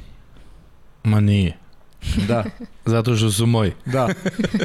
pa najlakše je tako. Mm. Ove, ovaj, ne bi se vraćao na tu klubsku priču, stvarno ovaj, iz ranijeg iskustva mislim da u toj selekciji u nacionalnoj treba birati najbolji igrač. Pa, pa naravno. I svaka da, greška se plaća. I svaka da. greška se plaća. Plaća se. Što se tiče tog nekog re, rezultatskog dela. Ovaj, ne bi uopšte spominjao ni klubove, ni koliko igrača iz Radničkog, iz Partizana, iz Zvezde, iz Novog Slažem Beograda. Se, ja te samo uvodim polako, moram pričati malo. Baza, pa naravno, naravno, mm. naravno. I ja želim da pričam mm -hmm. o mhm. tome. Ovaj, ali pos, pojavili su se neke druge sredine, kao Valjevo, kao Šabac, koji ulažu u Waterpolo, koja je lokalna samouprava, ne mogu kažem lokalna samouprava prepoznala nego gde su se ljudi u tim klubovima izborili za status da ih lokalna samouprava prepozna. Uh mhm. -huh. I onda uz neki kvalitetan rad i sve stvorila igrače koji igraju za juniorsku, kadetsku ili pionersku reprezentaciju Srbije, što ujedno i znači budućnost srpskog vaterpola. Uh mhm. -huh. I mislim da je ta baza sada šira, to je definitivno, jer ima igrača iz Šapca, iz Valjeva, iz Kragujevca, iz Novog Sada, koji su reprezentativci Srbije. Ranije je bio Partizan nosioc, hvala Bogu Partizan, eto, prolazi kroz neki period tranzicije, transformacije, kako god. Da, oporavka. I nadam se oporavka i nadam se da će se i on vratiti onim starim stazama i doprineti srpskom vaterpolu. E, pazi, e, prošli put kad smo pričali, ovaj, tada nismo znali da e, će radnički igrati Ligu šampiona, dakle, zato te sad uvodim a, ako imaš još nešto da, prič, da, da nam kažeš vezano za tu repestivnu priču, slobodan si kad god želiš da to, da to istakneš, a mi smo propustili priliku da te pitamo. Ja bih tu polako tu priču o, o, o, o klubskom vaterpolu zato što eto, radnički prvi put će igrati posle dužeg vremena Ligu šampiona i tih šest dečaka, zato je apostrofiran tu priču o, o tome šta je klub uradio, da je izbacio i neke svoje talente, ok, neki momci su došli sa strane, ali su se brusili kroz, kroz rad sa tobom i sa, i sa trenerima u radničkom. A, velika nadgradnja za, za klub generalno, dobijanje te licence i grupa koja je fenomenalna. Imaćete zagarantovanih 10 fenomenalnih utakmica u sezoni. Sad, kakav će biti, kakav će biti učinak, to je sad samo na vama. Klub se pojačao, doveli ste Vrlića i, i Ćuka. Ovi momci, kao što si rekao, nije samo Ćuk, dakle tu je i još jedan velikan igre, Josip Vrlić od koga i tekako imaju šta da nauče ovi dečaci, tako da stekli su su uslovi da radnički napravi i iz godine u godinu pravi sve veći korak. Ovo je sada onako baš jedan ozbiljan zaloga i sa kojim se suočio kluba, a i ti kao, kao trener. Mada si ti već i vodio ekipu u, u Ligi šampiona dok si bio i mla, mlađi trener. I sad yes. si mlad trener, a bio yes. si i mlađi tada. Izgubio finale Lige Izgubio šampiona. finale, da. 2013. godine da. od Barcelonete u Barceloni. Jeste, znam. Pričali smo o tome prošlom podcastu. Jesi, je, podsjeti me, molim. Jesmo pričali. Da ne zaboravim. Nemoj, da. Ovaj, pa ne, ovo je, to je ono što sam rekao da tim mladim momcima sigurno je neophodno i da se stvore uslovi da bi oni izrazili sav svoj potencijal. To, to postoji, ne bi pričao uopšte klubski, radnički će igrati tu ligu šampiona, e, nažalost Partizan sa ovom ekipom neće, Zvezda kreće od drugog kruga Lige šampiona, Novi Beograd igra Ligu šampiona, Vojvodina posle par godina igra Kuplen. Kuplen, da. Tako je, i domaćine turnira, tako da iskorak je ogroman u klubskom vaterpolu. I sigurno će značiti ako gledam sad kroz prizmu ovih momaka koji su proveli ove pripreme, ne samo ovi koji su igrali u Pragu, mnogo će im značiti. I to je ono što je potrebno tim igračima. Šta će na kraju biti, najviše zavisi od njih. Uh -huh. Ali potrebni su svi ti uslovi. I dobar klub, i dobro takmičenje, i kvalitetan rad, da bi oni ostvarili sa svoj potencijal. Uh -huh. I opet kao kruna svega toga je da li će oni zaigrati ili ne u seniorskoj reprezentaciji Srbije. Uh -huh.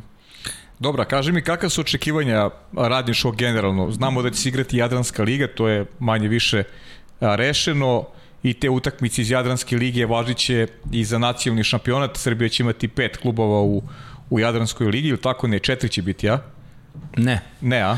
Ne, ne, ne. Poslednja informacija koju smo dobili, igraće se Superliga Srbije, a Jadranska liga će se igrati kroz turnire. Kroz turnire, mm -hmm. da. U decembru, januaru, februaru i Final Four u martu. Mm -hmm. Znači, ipak se igra, igra se znači, Superliga Srbije. Znači. Da, da, da.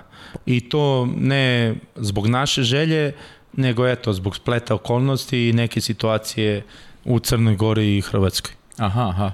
Dobro, znači, znači to je neka, neka nova informacija, hvala ti što si... Pa nije nova, mislim. Da, dobro, mislim problem je nastao oko bazena u Kotoru. Uh -huh, uh -huh. Da li ime Zoran Gopčević ili je Nikša Bućin kao što je bio. Hrvatski klubovi su odbili da igraju na bazenu koji se zove Zoran Gopčević. Ja mislim da to može da se nađe uvek neka, neko rešenje. Stadion u Milanu, kako se zove, kad igra Milan? San Siro kada je Milan. A kada je Inter... Giuseppe Meazza, da. Kako se u Genovi zove Da, isto, da. Benji, stadion kada igra Sampdoria, kada igra Genova, tako da mislim da je moglo da se nađe kompromisno rešenje, ali bitno je da ta liga se nastavi u bilo kom formatu. Jer je preko potrebna ne samo nama, ne crnogorcima, ne hrvatima, nego vaterpolu sveta. Uh mhm. -huh. A kaži mi ovaj, e, šta je neka projekcija radničkog? Imaš neka tvoja, neka lična očekivanja od sezone? Šta si sebi postavio postavio kao cilj za, za, za tekuću sezonu. Pa ne. Prošle godine osvojena titula, Radnička svoje kup pre dve sezone, dakle to je negde objedinjene su titule u Srbiji. Šta je sad neki cilj? Uvijek su maksimalne ambicije. Uh -huh. Od toga ne bežimo. Ovaj, sledeće godine igramo Ligu šampiona zahvaljujući žrebu izuzetno teškoj da, grupi. baš teška. Ovaj, Barceloneta polufinalista, Ferenc Varoš finalista Lige šampiona, Olimpijakos jedan od glavnih kandidata za titulu prvaka Evrope, ali mi, opet ponavljam, mislim da je to što treba ovim mladim igračima. Ne samo ovim u juniorskoj reprezentaciji, nego imam, ima i ovih momaka koji su od 96. do 98. godišta koji nemaju to iskustvo klubsko, seniorsko koje treba da imaju. Da, to smo pričali, o, tako je, onaj vakum tako koji je postoji. Tako je. Da. Neko bi rekao da nismo favoriti, da možemo da igramo rasterećeno, ali sigurno klubske ambicije neće to dozvoliti. Uh mhm. -huh. Znači, uvek je maksimalan rezultat, tako da dokle ćemo doći, pričat ćemo na kraju sezone. Uh mhm. -huh. Ajde, pre nego što prećemo i na pitanja, ovaj, naših dragih gledalaca, moram da te vratim i na, i na olimpijske igre u Tokiju. Nismo o tome pričali prošli put, bila je neka, ti kad si došao, baš je bila neka priprema za, za olimpijske igre.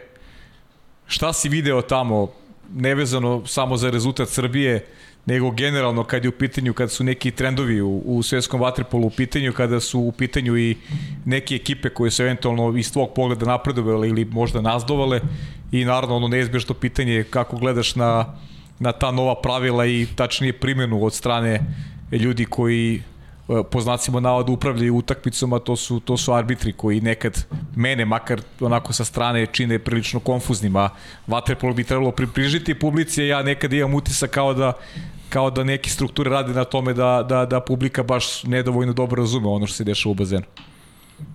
Kao što si rekao, ovaj, ranije smo spomenuli u priči, mi smo učeni i, i bit će tako da moramo da igramo protiv svih. Uh mhm. -huh. I protiv protivnika, i protiv sudija, i, i protiv, i protiv svih faktora spoljnih koji postoje. Tako da ovo, ova olimpijada je pravo ogledalo toga.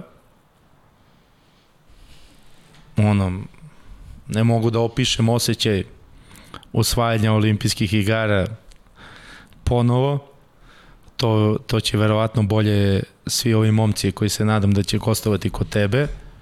Ono što je dovelo novo, to, je, to su ti španci, mm -hmm. koji su definitivno u vrhu svetskog vaterpola ovaj, i Krci koji su se pojavili, koji su sigurno u budućnost ovaj, svetskog vaterpola, ali opet kažem da i sa smenom generacije i sa svima, mislim da smo mi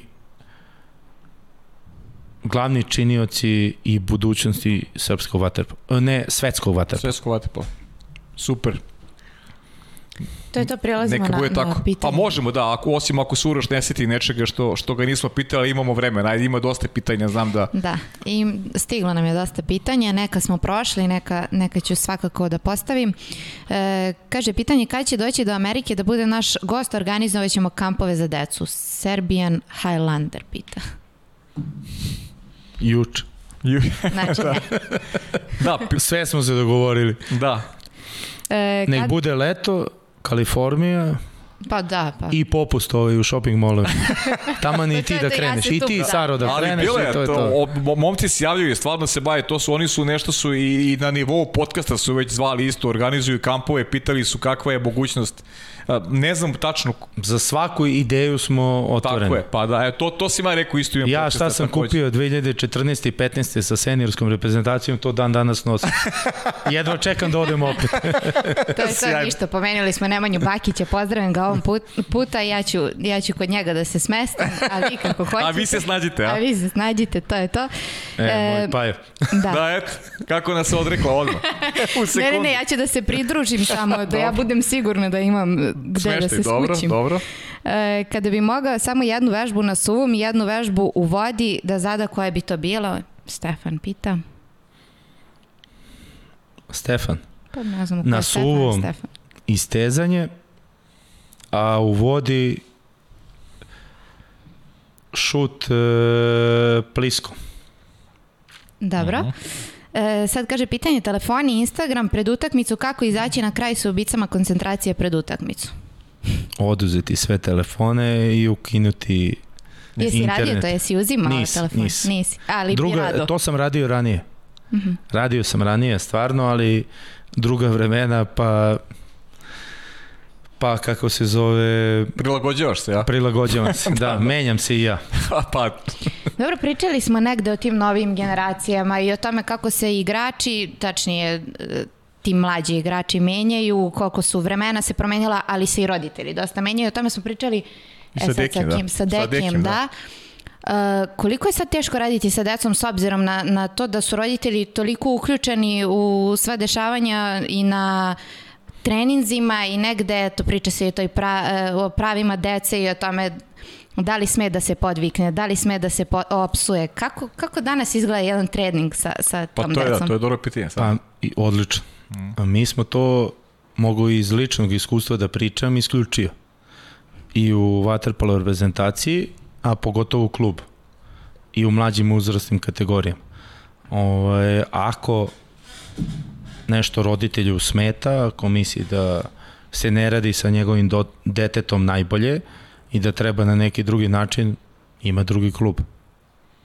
Da. To je prosto. A ja sam proveo neki period igrački pod Nenadom Manojlovićem, koji je bio onako jako isključiv u nekim stvarima tada kao trener.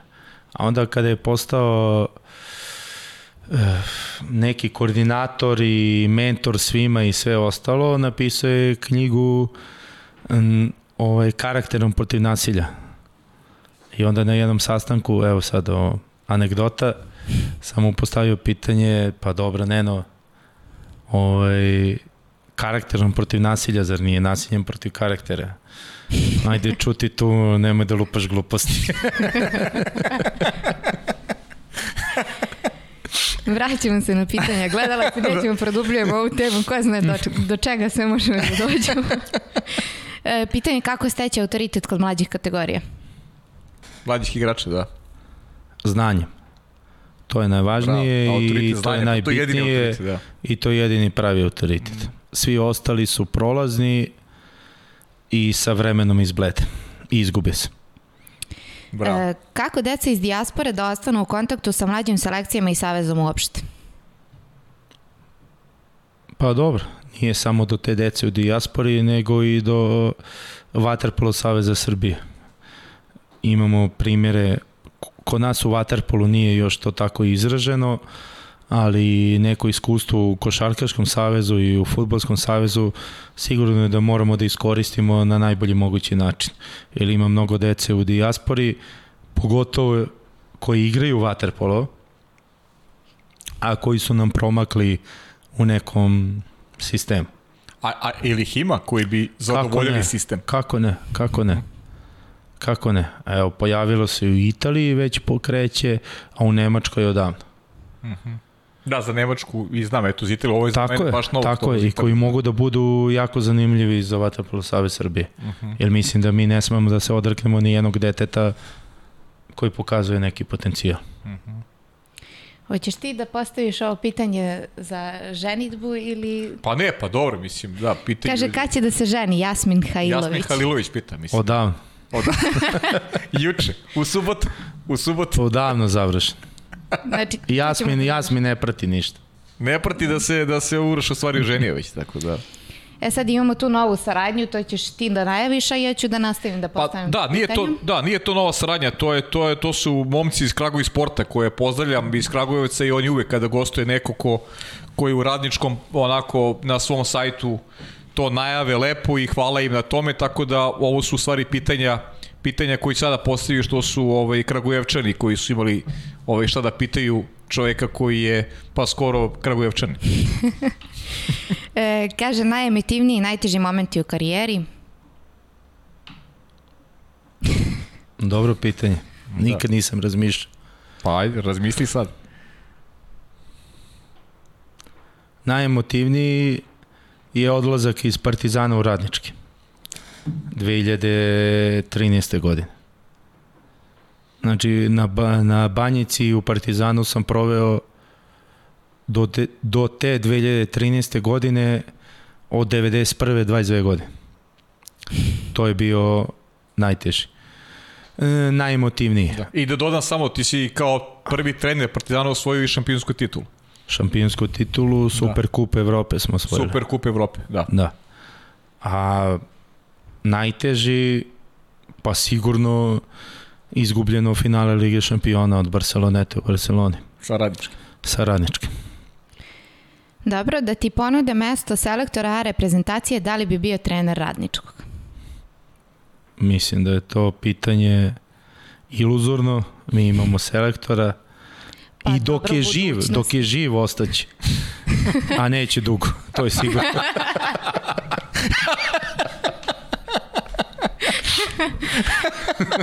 Dobro, ostajemo na ovom odgovoru. Da, da. Dalje. E, kaže, kakva su očekivanja za grupu Lige šampiona u kojoj je radnički, negde smo provukli to, ali... Pa, jako teška grupa. Da. Mislim da pre nama je veliki izazov što klubski organizaciono, što i igrački, ali sigurno ne možemo da podbacimo. Grupa je izuzetno teška i svaki uspeh je fenomenalan. Ali jedno, jedno ve, jedan veliki izazov i iskustvo i za klub, organizacijno i što se tiče struke. Uh -huh. e, I zahvalio bi se ovim putem Jugoslavu Vaseviću što je prisustvo žrebu i što je pomogao da ovako dobijemo ovakav žreb. Ima jedno pitanje, ovaj, e, kako ti je ovaj, saradnja sa Nikolom Tomaševićem, ili, ili, ili ti je teško bez njega ili Da li bi mogao do posljednjega sve to da nema Nikole Tomaševića, da preformulišemo ovaj pitanje? Pa definitivno sad bi mogao. Nije bio u Pragu, tako da nije učest, učestvovao u ovome, tako da ne može mnogo da priča i da laje kao što ume. A, zahvalio bi se Jugoslavu Vaseviću što nije bio u Zagrebu i što nije bio u Pragu a nadam se da neće ni na žreb više ići da nam pomogne što više. Upravo to je Jugoslav Vasović i pitao to za Nikola Tomašić da znaš, znači imaš pitanje direktora. E, dobro, lepo ko da sam znao. Lepo si mu odgovorio, dobro. Okej. Okay. E sad imamo pitanje, ne znam da li ovo implicira na to da, da nešto ima neka anegdota, ali kakav je bio put do Praga? Da li se nešto tu dešavalo, pa je zato pitanje ili... Opet iz, iz Kraga i sporta ljudi pitaju da. sad. Ne znam Put do Praga? Uh mhm. -huh. Ništa, sve korektno. Mislim, išli smo preko Beča. Bila je bilo je razlika u letu jedno 4-5 sati u Beču i to je to. Da, ne, ništa, ništa posebno. Ništa, da, da. Nismo da, mogli do Meka, do Burger Kinga A, na našem gejtu, možda to. Ne znam. ne znam, neko pita iz Kragovica sad. Ne, ne znam od čega. Misli smo da ima neka caka čim je pitanje. Ali ne znam. Nema Dobro, veze. zdravo se hrane sportisti, to je isto jako bitno. Pa burger, sportisti da. da. Struka ne. Struka ne. E, da kažemo i struka, ko je bio stručan štaba, ajde da, da istaknemo da. i to. Bravo. To je u redu. To je stvarno, mislim uh mhm. -huh. da Dragan Kozomora, uh mhm. -huh. Darko Bilić, Miloš Vasojević i doktor Ivan Marjanović. Uh mhm. -huh. I sigurno oni su ono iz senke, ali bez njihovog njihovog uticaja svakodnevnog u našem radu i u svemu i u pripremama i u takmičenju ne bi do ovoga došlo. Da, da, super. I sigurno neizmerno sam i zahvalan i ja i sigurno igrači na pomoći. Da, super. Pa dobro, to je već i neka ekipa koja opet ide nekako uz tebe. Standardno, Standardna od Kuvajta, od Kuvajta, da, da. da. Od Kuvajta ste zajedno. Pre nego što pređemo na Aleksandra na pitanje, ajde kad smo se već e, dotakli tog e, putovanja do Praga, ali ima neka anegdota iz Praga koju bi nam ispričao negde Dejan Savić nije želeo da priča o anegdotama, a da li, da li bi nam ti nešto otkrio? Pa više, više je sigurno Dejan imao da priča pa od mene. Nije hteo. pošto sam ja ostao u hotelu u balonu sve vreme, tako da to je hotel, bazen, anegdota, ne znam, ne znam kojih mogu da ispričam. da. Ali ovo što nisi, nisi mi rekao, šta ti rekao Deki, ili bio, bio zadovoljan generalno uh, utakmicama i kako su kako je to sve izgledalo? Pa bio je srećan, bio je uh mhm. -huh. srećan rezultatom i sigurno i njegovim savetima i podrškom uh mhm. -huh. koje je davo i mene igračima to nije uopšte upitno. Da. Ali ono, anegdota, mi smo bili u balonu, Ma dobro, mislim, hotel, da, bazen, tako da nema anegdota. Ovo mislim. se zaboravio, da, znam da Kad zakasni, kad zakasni lift, pa moraš da ideš ili ne radi lift, pa ideš do 11 sprata peške, eto, to je anegdota, mislim, Da. Znači, Prag, Prag niste videli uopšte. pa nismo videli. Poslednje veče, posle Da, finala, malo smo prošetali, otišli smo na večeru svi zajedno, ljudi iz Saveza, stručni štab, igrači, proslavili jako kratko, Da, rekao sam da je bio predsjednik Saveza i Viktor Jest, takođe. kako ne, Viktor Jelenić, Đorđe Đorđević, Nemanja Marijan, Dejan Savić ispred Saveza. Ovaj bili smo na večeri, proslavili kratko, jedno sat i po dva i to je to bilo. Sad prelazimo na pitanje naše drage Aleksandre. E, kaže, iako je napustio studije na matematičkom fakultetu, nije odustao od školovanja, što je e, pohvalno, pa je upisao fakultet za sport Univerziteta Union i to smer trener u sportu. Kako se odlučio na taj korak, šta ga je motivisalo da se posveti usavršavanju i koliko je bilo teško uskladiti profesionalne obaveze i obrazovanje? Ne zna ni Aleksandra sve. Ove, Čak, čak i ni ona ne zna. da, ja sam upisao fakultet za sport i fizičko vaspitanje u Beogradu, tu sam završio strukovne studije, nadogradio se na fakultetu za sport i fizičko vaspitanje u Nišu. I to je neki splet okolnosti neke 2008. godine, 6. 7. 8. kada se lomilo da ću uopšte da se bavim trenerskim poslom ili da odem nekim drugim putem. Dobro, da li mu je znanje koje je stekao na fakultetu pomoglo da napreduje? Ovo pitam iz razloga da mladi shvate koliko je važno i korisno usavršavati i se učiti i napredovati. Sigurno. Bez toga sigurno ne bi bio ovde, ali ujedno i ta te, teorijska obuka i praksa moraju da budu onako naizmenično da bi ostvario neki svoj maksimum. Igračku karijeru je završio sa svega 23 godine. Zašto je doneo takvu odluku? Kako je došao na ideju da se otisne u trenerske vode? Na ideju sam došao zato što sam bio mnogo dobar. To je jako prosto. I vidio sam svoju budućnost i perspektivu u svemu tome. A trenerskim vodama stva, sasvim slučajno bio je Fina Kup u Beogradu, da li neke 2004. ili 5. godine. Ja mislim da je 5. godine, nisam siguran. Sreo sam bivšeg drugara koji je počeo da radi kao trener u Waterpolu Miloša Sakovića, koji je trener u, trenutno u Valisu, u Valjevu, ovaj, koji me je pozvao, kaže, ajde, mogo bi da kreneš da radiš ovde, da mi malo pomogneš, ovo je neki onako, ne volonterski, onako honorarni posao, tada sam krenuo u Waterpolu klubu Crvena zvezda 2005. godine i od tada eto ide nekim svojim putem. Baš na to se nadovezuje sledeće pitanje. Kaže, iako je dete Partizana, počeo je da radi kao trener u mlađim kategorijama Crvene zvezde, pa kako je došao do toga? to je to. Pa eto, to je to. To Milo je to. Saković. 2008. godine Crvena zvezda je prestala da postoji, barem pod onim imenom i koji je tada bio i sve. E, ljudi iz Partizana, pre svega Mitrić i Nebojša, ovaj, koji je bio moj trener u mlađim kategorijama Partizana, pozvao me da dođem u Partizan kao njihovo dete i sve. 2008. godine sam došao i eto, ostao sam do te 2012. 13. godine dok nisam otišao u Kragovac.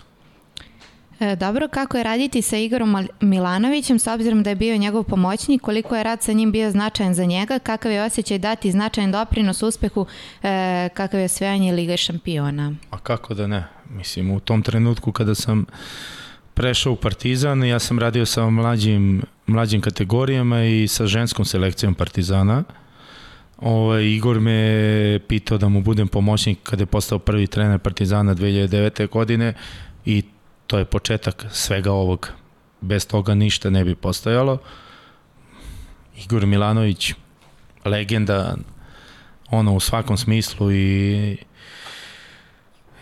i ne mogu da opišem ono kakva, kakva harizma, kakav, kakav, kakva pojava na bazenu i van bazena. Dve godine sam proveo sa njim, posle godinu dana sa Vladimirom Vojsinovićem. Nakon toga sam prešao u radnički i Dejan Savić me je pozvao da budem sa njim u svenirskoj reprezentaciji Srbije ono zlatno doba od 14. do 16. tako da sve je išlo nekim svojim tokom i ne bih izdvojio nikog od njih. Od Igora, uh, Vujasa, Dejana, mislim da mi je bila privilegija raditi sa svima njima i naučiti ovaj posao, jer sam od njih naučio. Tu nema, nema govora i bila mi je čast sa nekim svojim uzorima iz e, klinačkih dana biti pored njih, učiti i eto, nešto i naučiti od svih njih. A mislim da nisam mogao da, ima, da pogrešim pored njih. Imao sam puno sreće za razliku od drugih trenera u mlađim kategorijama koji nisu imali tu privilegiju. E, a ko sad ima sreće ovaj, da uči pored tebe? Ili ima neki momaka koji... Kozomara. Kozomara.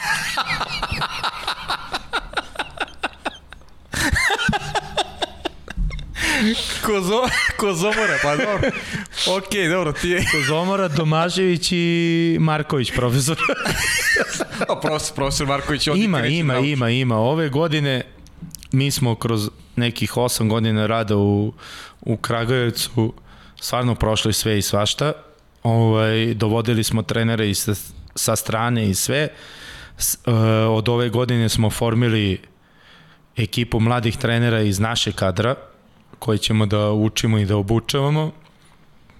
Sve su to momci iz Kragujevca, Miloš Ostojić, Nemanja Mladenović, Nikola Stanojević, Aleksa Simić, e, Filip Batinić uh mhm. -huh. i Natalija, devojka koja radi sa ženskom selekcijom. E, koliko ima devojaka sada, izvini? Pa ima oko 20. 20 oko 20. Pa, to je sad veća 20. brojka nego kad smo pričali prošli put. Pa jest, jest. Uh mhm. -huh. Sve raste. Sve raste, da. E, a pazi, imaš pitanje, kaže, Aleksandrin Uroš kaže, bio trener Nikoli Tomašević dok bi igrač Šaljenškog. Pitala sam Nikolu kakav Uroš trener, a Uroš sada pitan kako je sarađivati sa Nikolom kao direktorom kluba. Odlično. Odlično. Stvarno, saradnja fenomenalna. Ove godine kad smo bili na pripremama u Nikšiću sa juniorskom reprezentacijom Crne Gore, Zvao sam ga, hteo sam da odem dole do Herceg Nova na jedno veče, do Herceg Novog uh mhm. -huh. na jedno veče. Ovaj nije mi našao ni krevet, ni ležaljku. Eto, toliko njegov saradnji sa Nikolom Tomaševićem. Pa eto, znači, znači može da završi posao ovako. Znači da ne završi. Ne znam šta može da završi, ali krevet i ležaljku, krevet i ležaljku u svom hotelu ne može da završi. ne može da završi. Eto, dobro. E, kaže Aleksandra isto, e, interesantno je da do titula u Kupu Srbije sa radničkim je došao, da se nisu ni takmičili u najkvalitetnijoj regionalnoj lizi, kako je krenuti od nula i graditi i nizati uspehe. Pa jako teško. To sam pričao u prošloj emisiji, ne bi sad da, da. nešto da. previše širio temu. Bio je taj trenutak 2016. godine, ovo što je i Paja rekao malo pre, imao sam neke ponuda da već nastavim karijeru u inostranstvu, odlučio sam se da krenemo sa Jugoslavom Vasovićem u Kragovicu od nule, bukvalno najniže lige, I eto, ova prošla godina je rezultat kruna svega toga, rezultat svega toga, nadam se da će kruna doći kasnije. E, koliko je sjajan trener u utakmici sa mladošću na putu do trona regionalne lige doneo fantastičnu odluku da kod Peteraca promeni golmana pa je tako umesto do Bažanova Todorovski stao među stativi i fantastično branio. Šta se to desi kod trenera da donese ovakvu sajenu odluku, da li je to osjećaj ili nešto drugo? Nije osjećaj, to je prosto trening, mislim, nema slučajnosti, sve je trening. I ti peterci se vežbaju, peterci nisu sreća, ovaj, Stefan Todorovski je to pokazao na treningu. Do treće serije sam prve dve serije sam dao šansu Lazaru Dobožanu koji je branio fenomenalno i tu seriju i celu sezonu, a eto, ulazak Stefana preokrenuo utakmicu ne samo tad, nego i u finalnoj seriji sa Novim Beogradom u trećoj seriji. Prvoj utakmici. Da, vidim da se malo pitanja ponavljaju odnosno na taj da, zapravo, prošli podcast. Da, da, za da, prošli podcast, to. tako da vratio bih te još malo na, na ono što su, što su aktualnosti, pa da, da polako završavamo. Uh, šta očekuješ, Uroši, generalno od, uh, od lige i ovog ciklusa do, do Pariza? Olimpijskog ciklusa nije tako dug.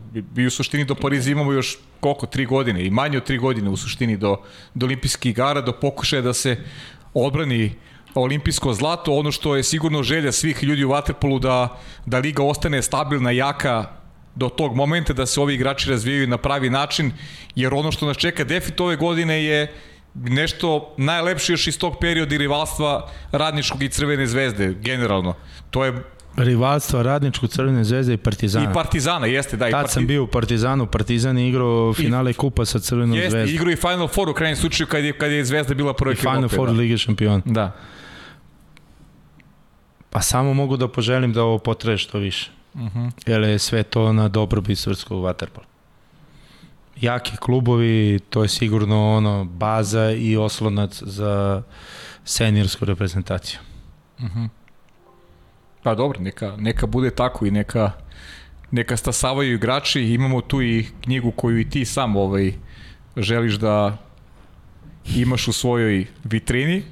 Mi je reklamiramo konstantno sa velikim zadovoljstvom i učimo i mi iz nje. Tako da ovaj imaćemo i neka druga pitanja kad budeš sledeći put gost. Ja bih te pitao za kraj da li da li ovaj ima nešto što te ovom prilikom nisam pitao, želeo bih da kažeš, znam da si prošli put rekao da ima i te kako da se ovaj priča još o, o nekih stvarima, nismo, nismo se dotakli nekih. Dosta tema. sam ja bio gost. Dobro. Nadam se da ćemo sačekati još neki određeni vremenski period do sledećeg gostovanja ovaj, uz Dejana i Jugoslava, ja sam jedini drugi put bio, jer tako? Pa jest. Mislim da ima ljudi koji mnogo, mogu mnogo više i da pričaju o Waterpolu i svemu, a Bože zdravlja biće prilika i da pričamo i o radničkom i o mlađim reprezentativnim kategorijama. Biće sigurno to, to nema dileme, pričat ćemo, pričat ćemo ponovo još za kraj mora da ti pitam ovaj, kako se osjećaš sada kao ovaj oženjen čovjek, to je Opet ja sam to... mislila da ćeš da ga pitaš kako se osjeća kod nas u studiju. I to je drugačije, to je drugačije u odnosu evo, evo, na tvoje prethodno gostovanje. mnogo stabilniji. Mnogo, mnogo stabilniji. Pa, da. E, pa, to je pa evo vidi se po rezultatima. Vidi se po, tako je. A odmah svetski šampion. Jadranska liga, prvenstvo, ovaj, svetsko prvenstvo juniorsko sigurno mi daje stabilnost.